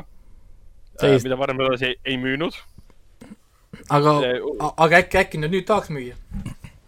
nüüd võib-olla tõesti, sest ma vaatasin neid nimekirju ka, mis filme nad on kokku ostnud täiesti lõpp ikka, nende hulgas on äh, tuntud äh, Briti ja USA ja Euroopa äh, autoreid. Nende hulgas on meeletult muidugi hit reisijal siin ja, ja hitt-film, mida on siin kauaaegselt oodatud. alustades muidugi sellest, mis see oli, Burnoutist või? Äh,, siis ähm, Ryan Reynoldsi, Red Note'ist tähendab, Ryan Reynoldsi ja siis äh, The Rockiga, Dwayne Johnsoniga äh,, millest siis äh, treiler tuli ka välja, mitte küll filmist, aga kogu sellest sisu reelist, kus oli. kõik filmid ja kõik filmid äh, koos. et see on see järgmine suur action film, mis on tulemas ja muidugi Zack Snyderi Army of the Dead on suur action film nende poolt tulemas mm. -hmm. siis oli Ja see nagu Le- Leonardo DiCaprio ja selle Jennifer Lawrence'i see ja selle filmi nimi oli, Looking up või midagi sellist või? oh issand, midagi, midagi niisugust oli jah, kus oli see mingi asteroidi eest hakkavad ho- hoiatama. Don't look up uh,. DiCaprio ja Jennifer Lawrence uh, filmis löövad kaasa uh, veel uh,, oh sa kurat, Ariana Grande, Timothée Chalamet, Keith Goody ja Meryl Streep. okei okay., aga see filmi sisu oli väga põnev, sest režissöör on, režissöör on Adam, Adam McKay uh,. Ja filmi sisu on see, et kus kaks sellist tundmatumat uh, teadlast lähevad siis ümber maailma reisile, et teadvustada maailmale, et on tulemas asteroid, mis hävitab maailma ära. ja nad peavad maailma veenma, et asteroid on tulemas ja te kõik surete, sest keegi neid ei usu. ja mulle tundub, et see on satiir selle koha pealt, et teadlasi ei taheta uskuda Jaa.. ja see on umbes sama, et noh, kuule, kandke või no mingid maskid ja mingid ohutusnõuded peaks hakkama andma, sest koroona tuleb ju. ja No, kand- et kandke turvavööd, ei kanna, lõikab pea maha. ma ei usu, see turvapoe, turvavöö pole üldse vajalik. Ja see on kindlasti üks oodatumaid filme ka minul, sest noh, režissöör on endiselt äh, Adam McKay, kes tegi siis Kristen Bale'iga siin Wise'i ja siis ta tegi selle The Big Short'i, mis oli fantastiline. ja muidugi siin The Jah. Other Guys ja Step Brothers ja igasugused sellised äh, haiged, haiged komöödiad. aga neil on veel see tulemas, ma vaatan, mis need, näiteks Mary Lamberti uus film, Mary Lambert on see, kes tegi esimese Pet Sematary um,. siis on tulemas muidugi Zack Snyderi filmi mis juba mõttes esimese ah,, kõige esimese või jaa, kõige esimese ah,? uh,. Zack Snyderit ma juba mainisin, tema uus film on tulemas. no vot, muidugi Andrew Dominiki uus film uh,, Blond, kus Ana de Armas uh, mängib siis Marilyn Monroe'd uh,. Andrew Dominiki Blond, see on siis uh, Marilyn Monroe uh, selline elulooline film. see on mingi sada aastat töös tal olnud. Dominic ise, kes ei tea teda, siis peab kindlasti filme vaatama uh,. Killing them softly ja The assassination of Jesse James by the coward Robert uh,, Robert Ford on suurepärased filmid äh,, eriti, eriti Jesse James ja Robert Fordi film, seda peab lausa nägema, oled filmifänn äh,. ja siis muidu Halle Berry film, mis mõned ostsid mingi selle saja miljoniga ära, Bruised on selle nimi, kus ta ise mängib, ise lavastab, mängib seal siis endist mm -hmm. MMA võitlejat. Ja see Adam McKay filmi mainisime ja siis tuleb see Josef, Josef Kosinski uus film Escape from Spiderhead, mille peaosas on siis Chris Hemsworth ja siis äh, äh, Miles Teller. mis Aga on ka totaalne action film. lihtsalt mõelge nüüd korra selle koguste peale, mida Netflix toodab. milline Hollywoodi stuudio suudab konkureerida selliste asjadega? see on äh, suurepärane, suurepärane küsimus ja no mitte ainult ei tooda, vaid nad, neil on samal ajal raha üle, et osta kokku leviõiguseid, siis nad toodavad sinna otsa ka veel. et lihtsalt see on lõputu, lõputu ja siis tulid intervjuud. sarjad, värgid, asjad, dokumentaalid No, filmid, mingi noh, täiesti crazy, no ma saan aru, ma saan aru, et nad flexivad lihtsalt oma rahakotiga. ma saan aru, et nende, kui ma Goo- Google pealt ütlesin, et nende selle aastane eeldatav kuukäive on neli koma üks miljardit. nojah, kuu, mitte aasta, üks kuu. Ehk siis see, on äh, ehk siis saan, siin ma saan aru, miks ta pakub kakssada miljonit filmi eest. sest see on üks viiendik ühest, ühest miljardist, mida ta on iga kuu üle, üle, üle, nelja. no täpselt, täpselt. et ne, neil on see olemas ja Variety oli kohe siis ju Netflixi bossiga intervjuu ka. Netflixi boss mingi, jaa, et meil on iga nädal olemas uus film või, või seriaal või siis dok, et äh, aga meil on veel raha üle, et me tahtsime siin terve hunniku veel Hollywoodi filme, mida me teame, et kinno ei saa tulla. Aga need on valmis, tahtsime neid ära osta lihtsalt. meile öeldi ei, sest ühel hetkel ilmselt tuli uks ette, kus öeldi, et kuulge, et äh, Rahu. midagi kinno, rahule meid. rahune nüüd, chill. et ma üldse ei imesta, kui Warner Brothers ühel hetkel lihtsalt müüb ära, ütleb, et okei okay,, andke mulle puhas kasum kakssada miljonit kätte. me maksame palgad ära inimestele ja esikorras. me liigume edasi, võtame uue, uue projekti ja lähme asjaga edasi. no täpselt jah, aga siis, et Godzilla ja, ja Kongi film ei tule kinno, vaid vaatad seda Netflixi ekraanil. nojah, aga Tegelikult- vaatad 4K-s ilusti, mul siin uus subwoofer möllab siin ja, ja no, no täpselt ja Eestis äh, mingi kuskilt käis läbi, keegi mulle rääkis, olevat ka selline info käinud läbi, et Eestis on tõusnud äh, suuretolliliste telekate müükide arv. make sense. no muidugi, selle koha pealt, et pandeemia möllab, inimesed vaatavad kodus. lõpuks sul ongi, sul on tohutu kinotuba nagu Raikol. miks sa peaksid kinno minema? ma olen kodus. WC on siinsamas, ma ei pea minema kuskile alla korrusele nagu Foorum Cinemasis. okei okay,, enam seal ei pea, teil on olemas seal üleval korrus. ei no selles mõttes, et ega samuti mida see film? et äh, samuti ongi see, et noh, nagu, nagu ka mina otsin nüüd 4K projektorit endale, ma otsin samuti endale 4K projektorit, sest mul on vaata see projektoriga see, noh, see seen ka. ma tahan nüüd tegelikult natuke teha ümber, et tuppa jääkski see projektor laste jaoks ja mina teen endale oma uue projektoriruumi, kus on 4K HDR projektor Mm. Et nagu saaks veel suuremat ekraani. täiesti lõpp. siis ma, ma tahan teha puldiga seda, et ma vajutan pulti, siis puldiga tuleb alla see zzzzt, ekraan ja siis ma saan hakata vaatama. noh, see on täpselt, täpselt nagu siis kinoelamus juba vaata, kinos on ka tihtipeale, et ekraan läheb, lina läheb laiemaks enne filmi algust ja siis sul on üsna, üsna, üsna sarnane elamus. jah, et ärge siis imestage mingi hetk, kui nüüd tulete siia filmi vaatama, siis on äh, teistmoodi, istuge natukene kaugemale, natukene siiapoole, siis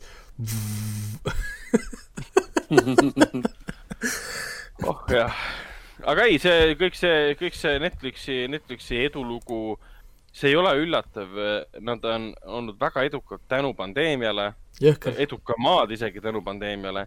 et see, et nad panustavad kogu selle edu abil äh, äh, uue aasta peale, see pole üllatav, see on, see on selge loogika. Et inim-, inimestel on see janu olemas ja, ja miks mitte. minu arust oli juba lihtsalt see jahmatav oli number, et nad sai kahe tuhande kahekümnendal aastal keskmiselt sada kaksteist tuhat uut kasutajat iga päev, maksvat kasutajat. uskumatu lihtsalt. ma ei, lihtsalt nagu noh, lihtsalt nagu, äh? sada kaksteist tuhat iga päev, kümne päevaga on sul siis ju üle miljoni. kolm miljonit siis kuus või? nojah, tegelikult kui niimoodi võtad, noh, kolm miljonit kuus, ehk siis tegelikult on kolmkümmend kuus miljonit aastas, mis tegelikult suurem mastaabis ei tundu enam nii suur number, on ju, kolmkümmend kuus miljonit. aga see on kolmkümmend kuus miljonit inimest, kes maksab sulle iga kuu mingi kümme, ma ei tea, kaksteist, viisteist dollarit, noh, ehk siis see on viissada miljonit jälle lisaraha iga kuu ja meie, meiesugused mõtlevad, et see on ju tegelikult väike summa, mis asja, üheksa eurot kuus, et aga kui sul on kasutajaid kuussada seitsekümmend miljonit, kes iga päev maksavad sulle üheksa eurot kuus, siis see on suur summa, see on väga suur summa. väga suur summa.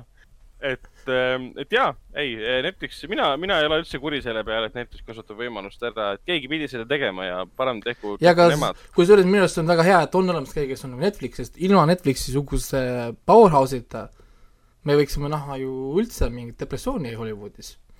stuudiod kinni, näitlejad ilma rahadeta, inimesed ilma töödeta.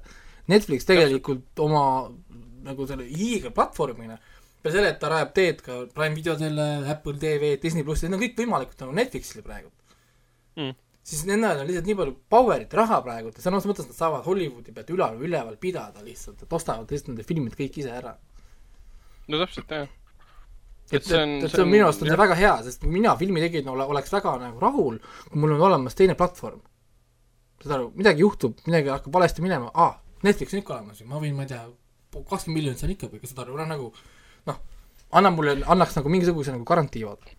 jah, ja kui mul oleks nagu, no sõltub, mis summasid Netflix nagu maksab, aga kui mul oleks valida filmitegijana või produtsendina levitaja ütleb, et ma panen filmi sulle nagu VOD kanalitesse või Netflix maksab meile kakssada miljonit, võtab filmiõigused endale ja sa saad sealt endale mingi meeletud miljonid. ma müüks Netflixile, sest ma saan kohe fikseeritud summa kätte, ma ei pea vaatama, kui edukaks muutub film VOD kanalites, kus on kõik nagu tükikaupa müük ju et ähm, Netflix selle koha pealt äh, täidab taskuid ajal, mil seda kõige rohkem vaja täita no ja, ja, ja teiseks minu arust on see asi, millest on ju räägitud, on see Netflixi efekt.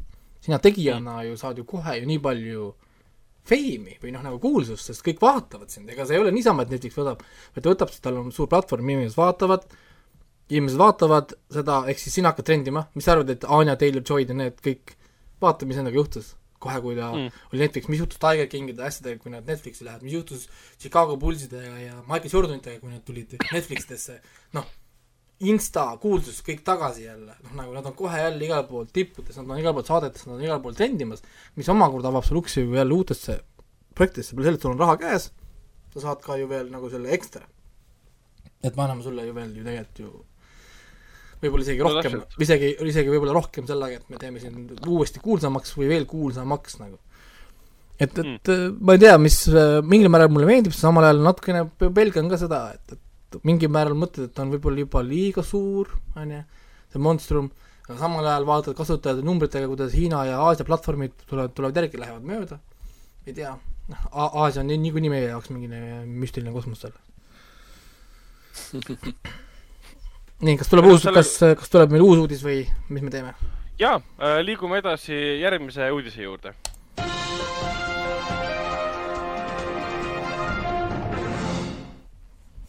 ja räägime natukene võib-olla siis äh, võib-olla kurvemast uudisest, äh, mis puudutab äh, uusi Hollywoodi filme. et kui nüüd arvasime, et Hollywoodi filmide edasilükkamised jäävad nagu minevikku ehk siis eelmise, eelmisesse aastasse, siis päris nii see pole. tundub, et Hollywoodi filmid järjest liigutavad oma filmid ikkagi ära suvest sügisesse ja üks nendest liikujatest on näiteks Sony siis äh, Morbius äh, Jared Letoga siis ähm, komiksifilm, mis on samas universumis siis äh, Sony emblikmeeste filmidega ja siis selle äh, Venomiga. Äh,. film liikus, liikus siis ära märtsist, äh, üheksateistkümnendat märtsit liikus ära siis kaheksanda, kaheksanda oktoobri peale. No ega see Morbiusest mul midagi suurt väga loota minu silmis vähemalt ei olnud, treiler mingit muljet mulle eriti ei tekitanud kuigi Daniel Espinosa on uh, minu arust tore, tore reisijör uh,, Life uh, selle Ryan Reynolds'iga oli väga hea minu arustus um,. aga, aga see, et see oli selline Sony katse siseneda sellesse, nende versiooni, ma ei mäleta, mis selle, mis rumal nimi neil oli selle um,. no seal pole tähtsust enam. Sony, Sony MCU-l nii-öelda, Sony, Sony Spider-man CU-l um,. aga ja, igatahes ta nüüd jälle liikus ära ja ta pole muidugi ainuke liikuja Äh, sellepärast et siin üks äh, antakse mõista, et No Time to Die, ähm, järgmine, järgmine siis äh, Bondi film, mille eestikeelne pealkiri oli äh,. Pole aeg surra, ei. ei olnud. ei saa veel surra, null null seitse. ei olnud. on aeg surra. Pole aega, pole aega suremiseks vist või? Pole aega suremiseks. ei, ma ei mäleta. surm peab ootama. surm peab ootama okay.. jah, täpselt. väga ilus tõlge, väga ilus tõlge. et äh, null seitse surm äh, peab ootama, äh, mida on nüüd edasi lükatud juba, ma vaatan, kui mitu korda, täitsa huvitav teada. eelmise aasta aprillist alates. jah, esialgu pidi tulema välja kaks tuhat üheksateist november, siis lükati edasi kaks tuhat kakskümmend veebruari peale ja siis lükati edasi Aa, aprilli peale. ei, ma vaatan mm, -hmm. ah, see oli ja see oli siis juba enne, kui äh, võtted olid läbi saanud. ja enne, kui uued reisijaid igasugused tulid peale. aga esialgne jah, ja nüüd ta siis, nüüd ta hetkel pidi välja tulema teisel äh, aprillil ja nüüd siis äh, paljud, paljud hirmunud kinoomanikud ja internetis on läinud liikvele siis kuulujutud, et arvatakse, et see aprillis siiski ei juhtu, vaid liikub edasi sügise peale Äh, sama arvatakse, et juhtub siis äh, Fast and Furious järgmise filmiga äh, Fast Furious üheksa lihtsalt siis, mis peaks tulema nüüd välja kahekümne kaheksandal mail. aga arvatakse, et liigub jälle siis sügise peale ja arvatakse, et Black, Black Video võtab jälle, hakkab liikuma või siis arvatakse, et ta läheb üldse otse Disney plussi ja jääbki sinna ja kinodesse jõuab siis, kui kinodes on äh, ohutu olla. hetkel peaks Black Widow välja tulema siis äh, maikuus, aga arvatakse nüüd jälle, et läheb sügise peale. Äh, ühesõnaga, see on kõik üsna, üsna nõme, sest see tähendab tegelikult seda, et, et kui ütleme Eesti kontekstis, kui suuremate kinode jaoks nüüd see eriolukord saab läbi, esimesel veebruaril teeme, teeme kinod, kinod lahti. aga see tähendab seda, et ei ole midagi näidata võib-olla teete Et- lahti, võib-olla teete no lahti. võib-olla tehakse lahti. aga see tähendab ikkagi seda, et pole midagi kinos näidata, pole ühtegi suurt hitt-filmi, kõik on sügisesse läinud. kui need jäävad sügisesse, noh, me ei tea seda. inimesed ei julge taga- tagasi kinno tulla ja veel enam, sul pole filmi, mis nagu meelit-, meelitaks. vaat Fast and Furious üheksa oleks kindlasti selline film, mis meelitaks um,. ma tahaks, tahaks, kuidagi tunnen tühi, tühi tunne on hinges, et pole uut Fast and Furious filmi juba näinud. jaa. Ma igal öösel ärkan üles ja mõtlen, et kus mu Fast and Furious on. nii, liigume edasi. okei okay., liigume edasi.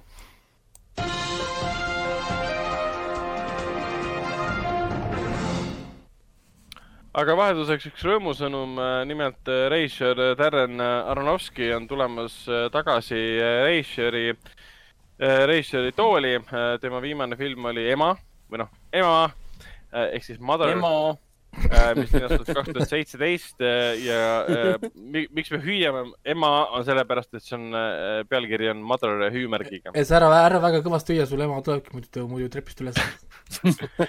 et see on selles mõttes äh, fantastiline film oli minu arvates, seda kriitikutele väga muidugi Jaa, ei meeldinud. aga nüüd ta on tulemas äh, vaikselt tagasi, filmiks on äh, The Whale ehk siis Vaal ja kõige üllatavam, kõige ägedam selle asja juures on see, et äh, filmis hakkab äh, ühte, ühte peaosa mängima siis ka ei keegi muu kui äh, Brendan the Mummy Fraser, ehk siis põhimõtteliselt eestlane. Mhm. põhimõtteliselt eestlane ja Brendan, Brendan Fraseri võib-olla osalus on veel võib-olla põnevam selle tõttu, et ta hakkab mängima selles filmis siis äh, eluohtlikut äh,, eluohtlikult äh, ülekaalulist äh, erakut ähm,. jah.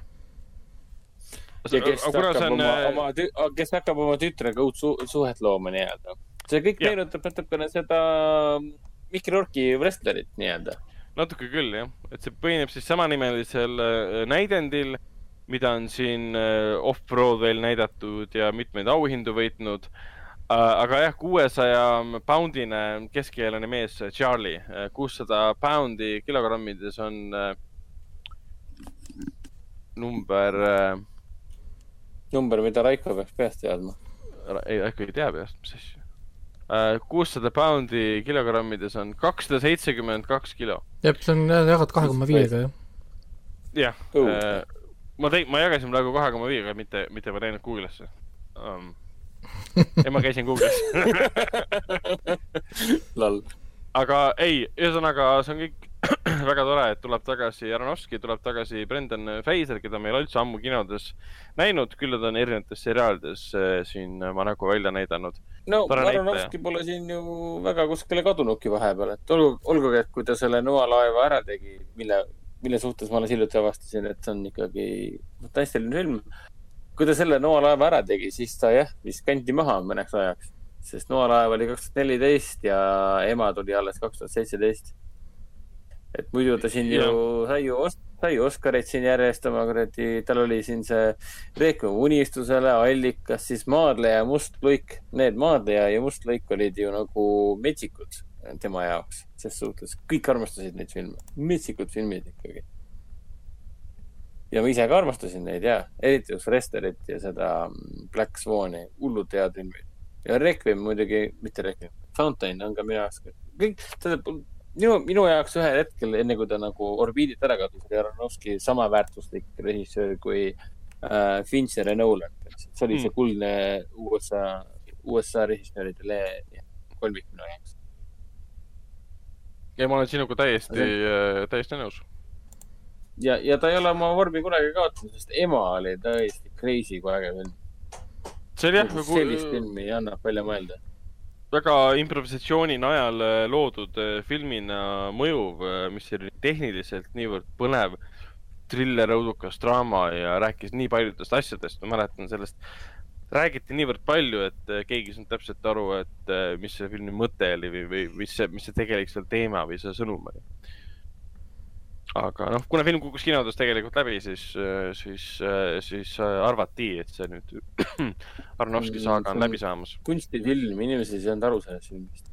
okei okay,, rõõm kuulda, et ta tagasi tuleb, aga liigume edasi järgmise uudise juurde.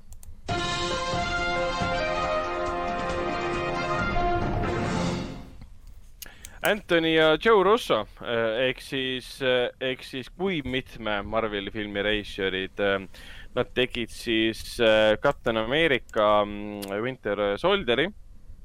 kõik tasuta filmid. Captain America, jah, Captain America, nad tegid siis selle Civil War'i, see on kaks filmi ja siis nad tegid sinna otsa äh, Infinity War'i ja siis Endgame'i, neli, neli filmi.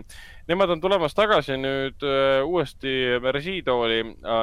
Nad äh, te- teevad seda koos Tom Hollandiga, kes on siis Marveli filmides ja Ämblikmeeste filmides mänginud uut Ämblikmeest ja teevad seda karmis äh, opioidi, opioidi draamas kus, kus Tom Holland mängib äh, PTSD all kannatavat ähm, äh, Ameerika siis äh, veterani, kes hakkab oma opioidi sõltuvuse äh,, kuidas nüüd öelda, vee peal hoidmiseks äh, panku ja erinevaid kohti röövima.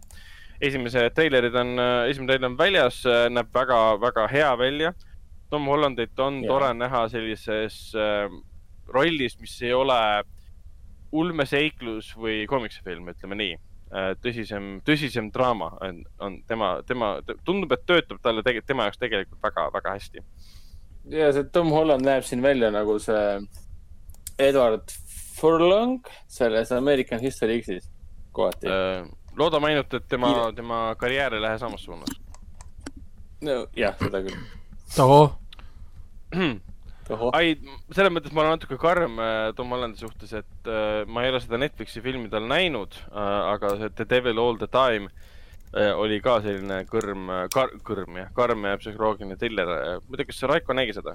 no ma olen kaks korda alustanud, esimest korda jõudsin kümme minutit, teist korda mingi viisteist minutit või nii. mõlemal korral panin ära, sest tundus, et äh, mul on muud ka teha oma aega. see ei ole kunagi hea märk. see on, ei ole tõesti kunagi hea märk. aga, aga millal me seda filmi näha saame või kus me teda näha saame, me saame teda näha muidugi siis Apple TV plussis. kaheteistkümnendal märtsil juba. Mis on, mis on ainult hea, hea uudis, sest see aeg pole enam kaugel. mis on väga kauge tulevik ju.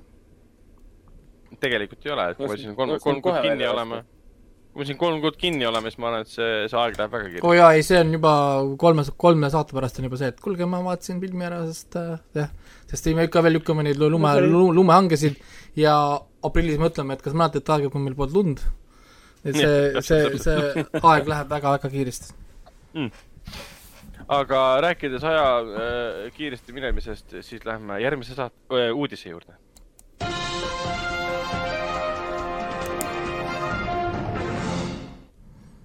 Amazoni, Amazoni sõrmuste isanda seriaal on äh, tulemas, me oleme sellest äh, siin saates mitu korda rääkinud. küll olid need äh, summad, mida räägiti kunagi, üks miljard dollarit kulutavad siin ühe hooaja peale. Tegelikult see hiljem selgus, et üks miljard on siin mingi viie hooaja peale mõeldud nüüd räägitakse hoopis, et viissada, viissada, viissada miljonit kulutatakse tegelikult siin mitme hooaja peale korraga. et erinevad lood, suureks vahepeal, ainult ma ei tea sellepärast, et, et Amazon või? ma ei tea, see, see pakuti nii üle vahepeal. aga Amazoni sõnumite esindaja seriaalist me ei ole palju füüsilisi tõendeid saanud peale pidevate casting call'ide ja näitlejate palkamise ja näitlejatest loobumise. Enamus näitlejad on minu jaoks täiesti võõrad, kuigi tagantjärgi, kui sa vaatad nüüd Sõrmuste isanda filme, ega need Sõrmuste isanda näitlejad, kes ei olnud ammu tuntud näitlejad nagu Viggo Mortensen, Sean Astin, minu jaoks polnud ka mingid tuntud näitlejad selles mõttes, et, et vaatame, mis Sõrmuste isanda seriaal toob Ähm, küll aga teame seda, et tal juba teise hooaja siis, teise hooaja siis stsenaariumid kirjutati esimese hooaja võtetel. võimalik, et teine hooaeg on juba vaikselt töös. Küll aga oleme saanud esimese ametliku äh, sünopsise, mis kinnitab ära selle, mida meie Hennikuga oleme siin korduvalt juba rääkinud. et äh, lugu leiab äh, aset siis äh, keskmaa teisel ajastul kui ma nüüd ei Mhm. eksi, siis Sõrmuste isanda filmiseeria, raamatuseeria, mida me oleme, oleme siis näinud ja lugenud, see lõppes ära kolmanda ajastu lõpus, enam-vähem kuskil. ja no see käbik ja kõik see ongi kolmas kolmas ajastu. See kõik tähendab seda, et Amazoni Sõrmuste isanda seriaal, ehk siis ta ei ole Sõrmuste isanda seriaal, aga pole olemas paremat nimetust kui nime, Sõrmuste isanda seriaaliks nimetamine. see lugu leiab aset tuhanded aastad enne Kääbikut ja Sõrmuste isanda triloogiat. see on, leiab aset ajal, mil, mil kõik need iidsed äh, kuningriigid ja kantsid olid alles, enne kui nad ammu purustusse vajusid. Sauronit äh, sellisel kujul ei eksisteerinud. Alles hiljuti oli surma saanud tema boss Melkor. jah, teine, teine ajastu algabki, algabki selle Melkori ehk siis Morgoti surmaga täpselt, Melkori ehk Morgoti surm ja siis tema, tema kapten Äh, Sauron on alles, hakkab siis äh, vabade rahvaste seas seal ussitama, neid allapoole ainult suruma ja neid omavahel tülli ajama, kuni siis ta näitab oma tõelist äh, palet. ühesõnaga, me näeme selles seriaalis mida? me näeme Numenori saart, me näeme siis tuunetainide eellasi, tuunetainid olid siis muidugi ähm, Aragorni rahvas, me näeme seda inimesi, kes tulevad ära Numenori saaret ja lähevad, loovad Minas Tiriti ehk siis inimeste kuningad, kust nemad tulid tegelikult. me näeme ära sõrmuste loomised, äh, me näeme ära kõik need eellased, kauged mainitud asjad, mida, mis põhi nagu seerias läbi, äh, läbi käisid. ehk siis, mida me näeme, saame, me saame eelloo, aga kindlasti ei ole see eellugu lihtsalt ähm, lihtsalt sõrmuste loomisest, see on terve selle maailma eellugu ja see on väga-väga keerukas äh, kindlasti nendel äh, seria-, seriaalina esitada, sest, sest Tolkien ikka kirjutas neid lugusid väga laialt ja väga suurelt. et neid on raske nagu ühe tegelasega nagu kannustada, et sa ei saa ühte tegelast sinna keskele panna ja nüüd öelda, et tema ümber kõik toimus. ei toimunud, seal on sada tuhat erinevat tegelast, see on kõik kirjutatud ajaloo äh, nagu ajaloo peatükkidena et see on ikka palju-palju keerukam ja saab olema huvitav näha, mida nad sellega siis, sellest siis kokku keeravad, kui see kunagi lõpuks äh, välja tuleb, sest ka neil oli kindlasti äh, pausid, kui nad Uus-Meremaal filmisid. ja kas see jõuab nüüd järgmisel aastal või ülejärgmisel aastal, eks, eks aeg, aeg näitab. aga, aga ütleme niimoodi, et Sõrmuste isanda seriaal pole sugugi ainuke suur eepiline fantaasiaseriaal, mis lähiajal siis lähiaastatel telekasse tuleb üks on Amazoni ja teine muidugi siis äh, Troonide mängu järgmised, järgmised seriaalid. vot, aga lähme edasi viimase seriaali äh,, seriaali, uudise juurde.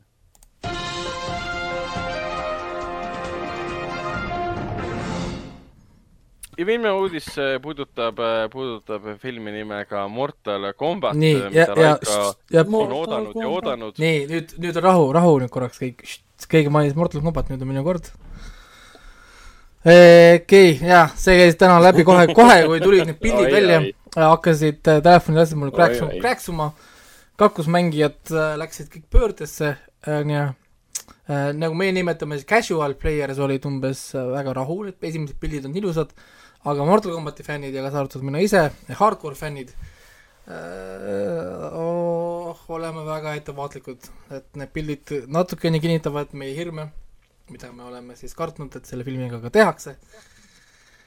et neil on natukene, natukene nihu läheb see värk, aga no olgu, põhimõtteliselt täna tulid pildid esimesed siis, äh, sest nad ei taha meile treilerit anda. tegelikult algselt pidi täna olema treileri päev, nad tegelikult lubasid, et viisteist no ongi, see tuleb aprillis välja juba ju. viisteist jaanuar lubati meile treilerit, on ju, uhket treilerit, kus on äh, kõik mingid action'id, värgid, story äh,, treiler pidi meile näitama, kes on Joe Cole, see on siis filmi jaoks välja mõeldud karakter, keda tegelikult Mortal Combat universumis ei eksisteeri. Mistake One, on ju, mis tõenäoliselt tuleb väga pikk list. Mortal Combati film on väljas, me peame tegema e-, era, erisaate, kus ma saan rentida mingi kolm tundi, nii et kedagi siin ei ole ähm,. et, et äh, noh, need pildid selles mõttes on ilusad pildid, noh, aga, aga need ei näe välja nagu Mortal Combat, vaid need näevad välja lihtsalt nagu mingi ma ei tea B, B-kate kategooria märul, märuli film, on ju. et, et ainukene pilt, mis mulle siin ütleme nagu sobib nendest piltidest, on, on siis, kus on Liu, Liu Kang ja Kung Lao on koos ja Liu Kang lõpuks kasutab siis oma tuleelementi. siiamaani kõikides filmides, mis me oleme näinud, Liu Kang kuidagi unustab ära, et ta on tegelikult ju äh, Fire God. See on spoiler teile kõikidele muuseas eh, tead, see seeria nii kaua aega kestnud juba, et see vist enam aastast, aastast, mis oli üheksakümmend üks või üheksakümmend, millal iganes see esimene Mortal Combat tuli, onju. kolmkümmend aastat yeah. on siin olnud. et äh, Jaxil on tobedad, hästi koledad see CGI käed, mida algusest peale on meile räägitud, et tema metallist käed tehakse CGI-ga, kui e-, eelmistes filmides isegi, ükskõik kui halb oli see Mortal Combat uh, Annihilation või mis iganes ta nimi oli uh,, seal ei olnud tal vähemalt CGI käed, vaid tal olid nii-öelda nagu need noh, nagu lihtsalt nagu praktilise, praktiliste efektidega siis tehtud käed. ja see oli täitsa okei okay., siis mulle need CGI käed siin pildi peal juba veitsa jätavad mulle niisugused, ärge tehke CGI, ärge tehke Green Lanternit uuesti, te, te, te, te saate teha paremini. aga, aga noh, endiselt on Sonja ja Keino siin filmis minu arust, nii Sonja kui ka Keino peaks eemaldama filmidest, nad on tohutult igavad karakterid äh, esimeste filmide puhul samuti äh, minu arust nii suured vead oli neid sinna nagu lisada. kes on Joe Cole? ja miks oli vaja lisada Joe Cole'i? sul on Mortal Combati universumis, sul on mingi kakssada viiskümmend karakterit miinimum, kelle hulgast valida. enamustel on äh, täis story'd kolmekümne aasta jooksul läbi koomiksite ja animatsioonide ja mille iganes veel valmis tehtud sulle. Pick one. miks sul on vaja mingit randot siia tuua? Joe Cole, nimi on, põhimõtteliselt ta on, ta on, ta peaks olema John Smith. oota, kas ta mitte Cole Young ei ole või? ei, ta oli mingi Joe Cole olid ennem, no võib-olla äkki on siis muutnud tegelikult võib-olla siis talle uue nime või whatever, ühesõnaga väga rando, onju.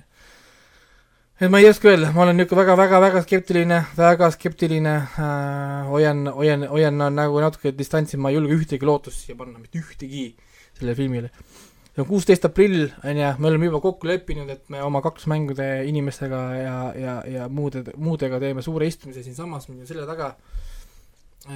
vaatame, kuidas taimer läheb nulli ja siis läheb film peale.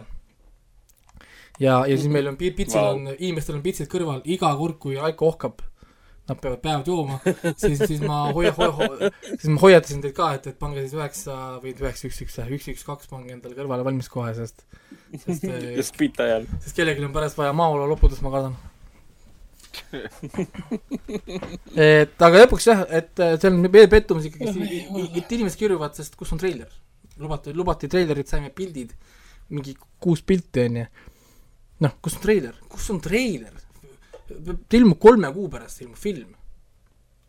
on ju, film on tehtud, ma ei tea, kaks-kolm aastat on juba seda filmi tehtud ja nämmutatud, tahan treilerit saada aga mul on tunne, et nad ei julge näidata seda treilerit Nad, nad ei julge treilerit näidata sest praegu ka ikkagi piltide, piltide niisugune tagasiside on olnud tegelikult ikkagist üllatavalt negatiivne uh,. ma olen nõus sellega tegelikult nagu ka ja ma lihtsalt kardan nüüd seda, et kui nad näevad seda negatiivset tagasisidet piltidele, nad ei annagi meile treilerit.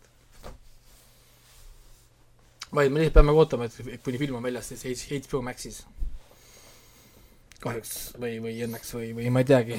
samas võiks, kinos võiks olla kõik vaadata, sest ma tahaks tegelikult elada küll uuesti läbi seda Mortal Combati kinoelamust, mis mul kunagi oli, kui tuli esimene, esimene Mortal Combat. ma ootasin piletijärjekorras, ma ootasin järjekorras sisse minna, see oli nii fun ja nii kihvt.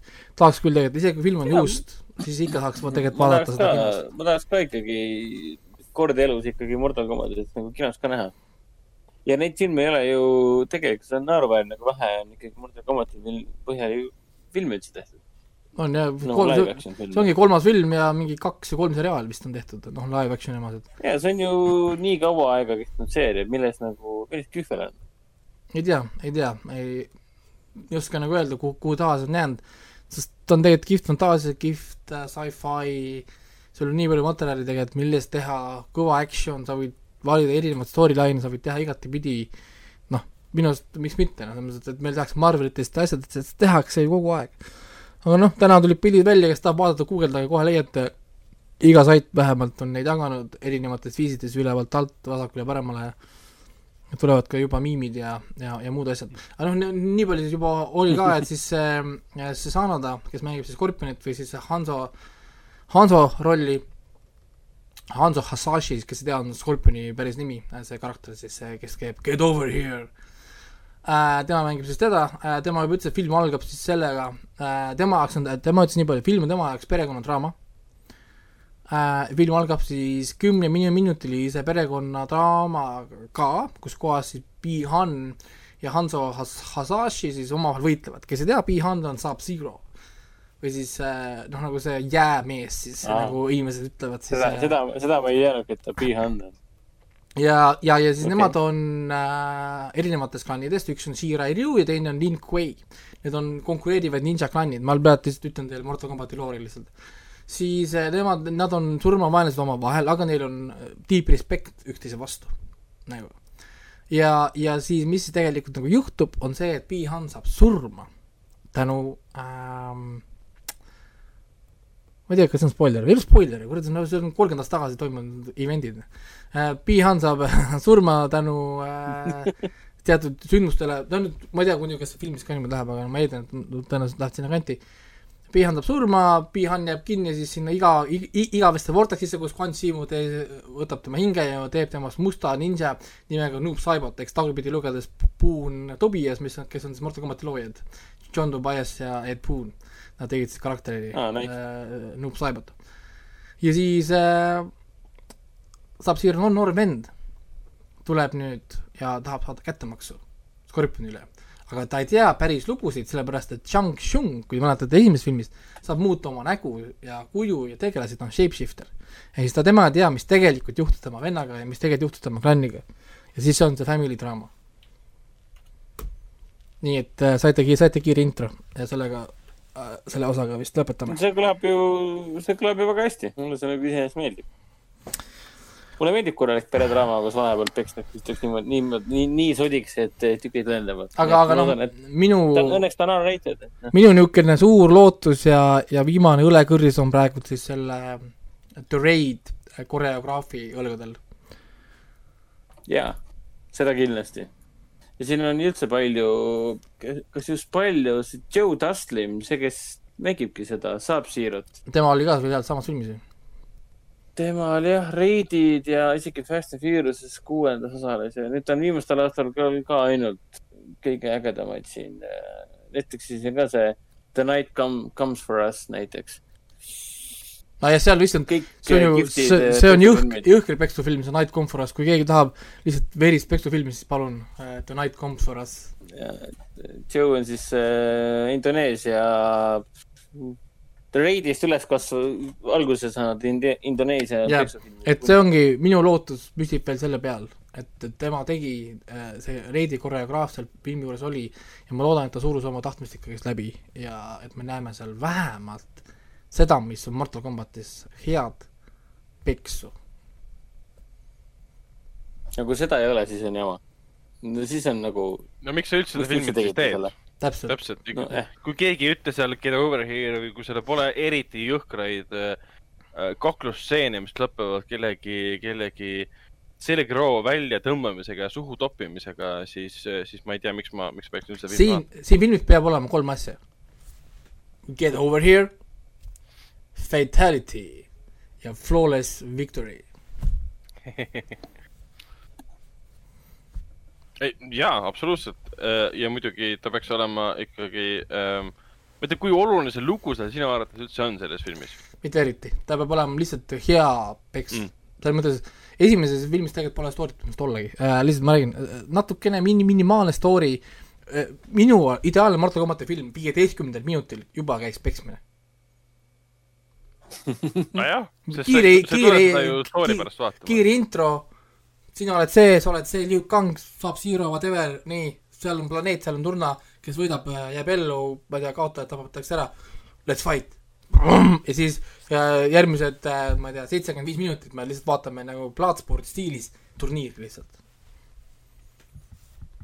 ilusad hüpped, jalad, musklid, mehed, ilusad naised, kikid, saltod, eriefektid, fireballs, mingid mutandid, värgid, muusika möllab, bass möllab, saad aru, film on läbi, see on haip, siis tahaks minna trenni kohe vaatama, saad aru, see on see, mida ma tahan. ma, noh, nagu vaatad nagu Hitmani või sa vaatad Raidi, keegi ei vaata Raidi story pärast. noh, nagu noh, kuigi story oli väga hea esimesel reidil. Mõlemal on tegelikult.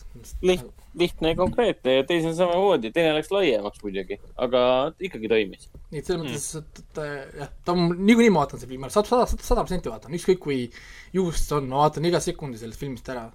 aga, aga lihtsalt nagu jah, tuleb olla ettevaatlik. Nonii, aga ja, ja nüüd on siis kiired soovitused ka või, või mis meil nüüd tuleb? teeme ka, teeme ka soovitused, kinosoovitusi me teha ei saa, sest äh, kinod on, kinod on kinni esimese, esimese veebruarini. küll aga saame soovitada erinevaid Netflixi asju, mis, mis siia nagu saate jooksul äh, kogunes nimekirja päris palju. ma siis loetlen neid nüüd, nendeks on näiteks Night Stalker, The Hunt for Silja kirjel, mis on tõesti väga köitev vaatamine muidugi Raiko on sada korda soovitanud äh, Kurokos Basketball, mis nüüd äh, viieteistkümnendal jaanuaril jõudis Netflixi. nüüd Disenchantmenti kolmas hooaeg alustas ka tänasest äh, Netflixis. see on siis Mhm. Matt Groeningi ehk siis Simpsonite looja seriaal. juba mainitud Brooklyn Nine-Nine kuues hooaeg on nüüd olemas, on olemas ähm, Netflixis ja eelmine nädal jõudis Netflixi ka Boy Erased, mille ühes äh, peaosas on äh, peale Russell Crowe siis muidugi on ka Lucas Hedges, kes siin vahepeal tänu, tänu sellele Manchester by the Sea'le, Lady Birdile ja Three Billboardsile ja mis filmid tal veel kõik veel korraga olid siin, sai väga populaarseks äh, nooreks äh, näitlejaks. Kidman mängis ka seal vist ju? ja Nicole Kidman on siin ja, ja jah. filmi režissöör ise on, on Joel Edgerton. Tuntud näitleja äh, väga paljudest Aa. erinevatest, erinevatest äh, filmidest, ma ei tea, alustades siin, ma ei tea, Animal Kingdomist ja lõpetades, mis tal see viimane film oli, mitte Warrior, aga ma kohe vaatan, kus on ta ah,, The Kingis oli, Green Knightis on ta, Red Sparrows oli, Brightis, igatahes ta on paljudes asjades olnud Äh, et seda on üks nendest filmidest, mida ma soovitaksin. ja siis muidugi Pieces of Hawaii, millest nüüd Eesti meedia on ka palju kirjutanud ja kiitnud. Eesti meedia on palju kirjutanud ja kiitnud ka Lupinit, mis on see Omar äh, selline kelmikomöödia või röövikomöödia seriaal, kus siis Omar Sy mängib äh, ühte, ühte mehikest, kes ähm, nii-öelda mängib, et ta on high society's pärit, et siis röövida Louvre'ist, ma saan aru, mingi kalliskivi või kaelakee ja siis muidugi see Pre- Pretended City, seda ma kindlasti soovitan, siis äh, Cobra Kai äh, kolmas, kolmas hooaeg. ja juba meil on siin mitu korda läbi käinud, on Bridgerton, Sweet Home ähm, ja, Chilling Adventures of Sabrina neljas hooaeg. mis asi see Surviving Death aa, kusjuures ma vaatasin, ma vaatasin seda esimest episoodi ka, põhimõtteliselt inimesed kirjeldavad oma äh, near death experience'e, mida nad nägid või, või seda protseduuri, siis teadlased mm. proovitakse umbes teada anda, millest see võib tulla või niisugune. ta on pool fantaasia, pool teadus. okei okay.. ehk siis, kui tahad äh, Covidi ajal kodus olles äh, vaadata surmast äh, seriaali, siis ja leiad, et su elus puudub natukene depressiivsus ja masendus, siis see on ideaalne. Kuigi ma ei tea, kas see nüüd nii negatiivselt saab seda võtta. ja muidugi kõige uusim asi Netflixis on nüüd siis Outside äh, the Wire, mis on siis äh, Michael, mitte Michael, aga Anthony Häft-, Mackie, Mikael Halfstormi uus Aa. äh, film. okei. Mikkel Halfstorm tegelikult on üsna tuntud režissöör, ta tegi näiteks äh, John Cusackiga, siis kui ta veel häid filme tegi, tuhat nelisada kaheksa, Sick Burn, kaks tuhat seitse aasta film äh, Samuel Jacksoni ja siis John Cusackiga põhines siis Stephen Kingi samanimelisel lühilool, minu arust oli väga hea film um,. siis tal oli siin näiteks Anthony Hopkinsiga Riitus, kaks tuhat üksteist aasta oma ja Escape Plan on tema üks viimaseid filme siin aastast kaks tuhat kolmteist Stallone'i ja Arnold Schwarzeneggeriga. ja Outside the Wire, nagu jah, no Hendrik juba ja Raiko mainisid, Anthony Mackie on siin peaosas, mängib eh, mingi androidi, kes on lahingus ja peatavad maailma eh, hävinemist või midagi laadset. võib, tunduda, et ma ei ole väga huvitatud sellest, aga jällegi ma vaatasin treilerit ja treiler ei tundunud just kõige, kõige kirgem kriit Netflixi karbis. aga äh, Telia HBO-s on endiselt olemas kolmkümmend münti, järgmine nädal tuleb siis juba see, see pühapäev tegelikult tuleb juba viimane episood äh,. siis on olemas nullid ja ristid ja siis ka Tema tumedad ained äh, äh, teine hooaeg äh,. Telia TV-s saab vaadata veel salaosakond Devs ähm, äh, esimest hooaega või see ongi üks hooaeg tegelikult ainult ähm,, mis nüüd aegub tegelikult juba nädala aja pärast, et. ja kogu. hooaeg, ma ei ole veel vaadanud kordagi, aga kogu hooaeg aegub kuue Mhm. päeva pärast, et ma püüan ära vaadata. tuletame siis meelde, et see on, Raiko, kas ka seda vaatama ju? Et see on ju Alex Garlandi ehk siis Ex Machina ja Annihilationi äh, lavast- lavastatud äh, seriaal põhimõtteliselt. Mhm. ja siin peaosades on ju seesamune Nick Offerman. ja, ja, ja teine tegelane, see, kes mängis Kyokot äh, Ex Machinas, seesama näitlejanna on siin ka. Mhm. aga ta lõpp ja, see on äh, tal lõpp kukub ära, ta ei suuda hoida seda. Aga ma saan aru, et tegemist on väga ambitsioonika, veidra ulme, ulme, ulme, ulme ja tal on väga ja tal on, tal on väga kõva kõva, kõva müsteerium. esimesed episoodid ma ei tea tulevad sellest mitte sittagi. kogu aeg, et mida nad teevad seal, mis firma see, noh, no jah, ma ei saa, põhimõtteliselt nagu ühesõnaga jah, see on põhimõtteliselt suur müsteerium. Aga ma räägin, et noh, muidugi minu jaoks ma võib-olla läksin liiga suurte ootustega sisse, aga, aga alguses tõmbab sind, tõmbab sind nii käima kaasa, et issand, kui hea asi, vägev, jumala kihvt. ja siis kuidagi kuidagi, kuidagi oli- ei suuda hoida. Sonoya Mizuno, kes siis Kyokot mängis seal Ex Machinas. et ma ise olen ammu tahtnud seda vaadata, kuna ma kohutavalt, kohutavalt mulle meeldib see mm, Alex Garland. ta on ju selle The Beach'i, selle, Danny Boyle'i The Beach'i stsenarist oli ja, ja mida ta veel kirjutas? ta kirjutas veel midagi Boyle'ile vist. kas ta kirjutas Twenty Eight Days Laterit või? või ma ei mäleta enam täpselt. aga ta on väga, väga kihvt vana ja, ja ah, ta kirjutas siis selle ka, selle, kurat, ma ei mäleta enam.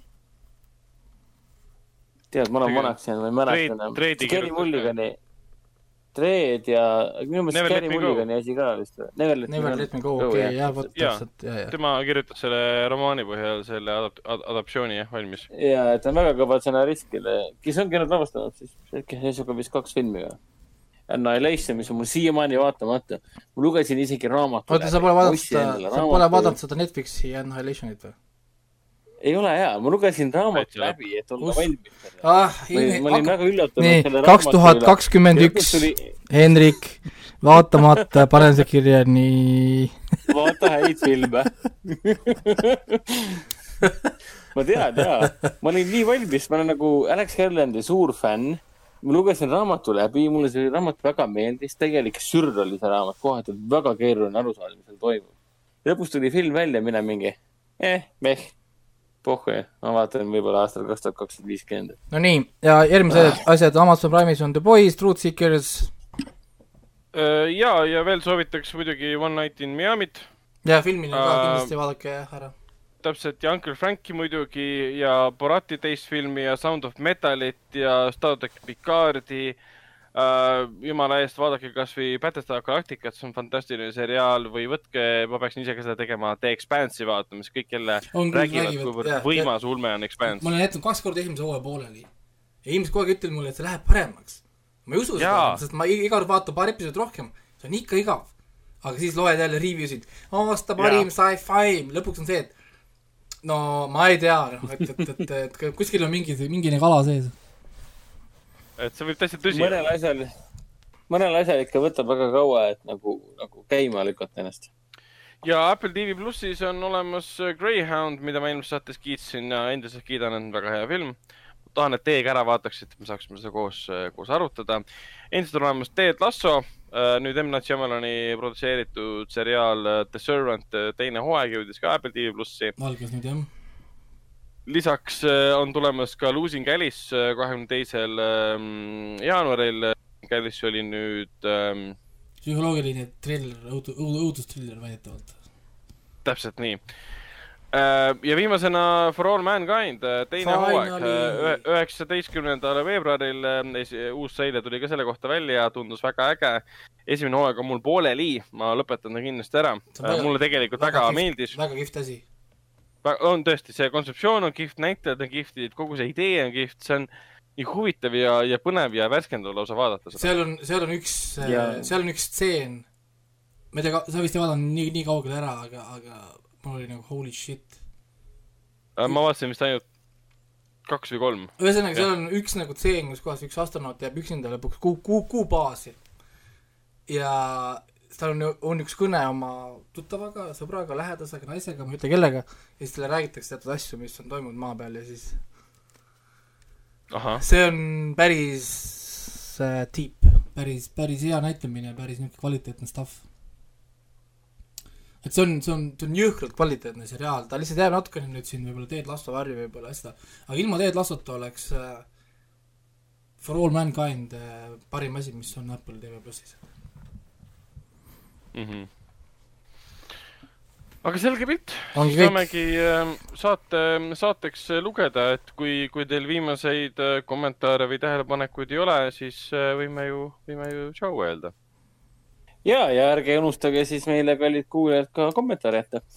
ootame neid, kõiki ootame. et kõige, et, et, näevad. et kõige pikema kommentaari jätnud äh, inimesel on, on minu poolt väikene kingitus ja kes oskab kõige ja, ja, ja kõige paremale vingujale ka midagi, ma leian kindlasti. kõige pikem ja kõige parem vinguja Jah. ja Raiko premeerib teid, ma saan aru. mina, mina võin, ma ei tea, lihtsalt kutsuda teid siis Amo- Among Us'i mängima või midagi sellist. see on tore mäng, seda võiks podcast'iga koos. aga sellega, sellega lõpetame ära, sest kell on, kell on tegelikult väga palju ja järgmine kord siis juba näeb, järgmine nädal. ja, järgmise korrani. tšau. olgu, tšau.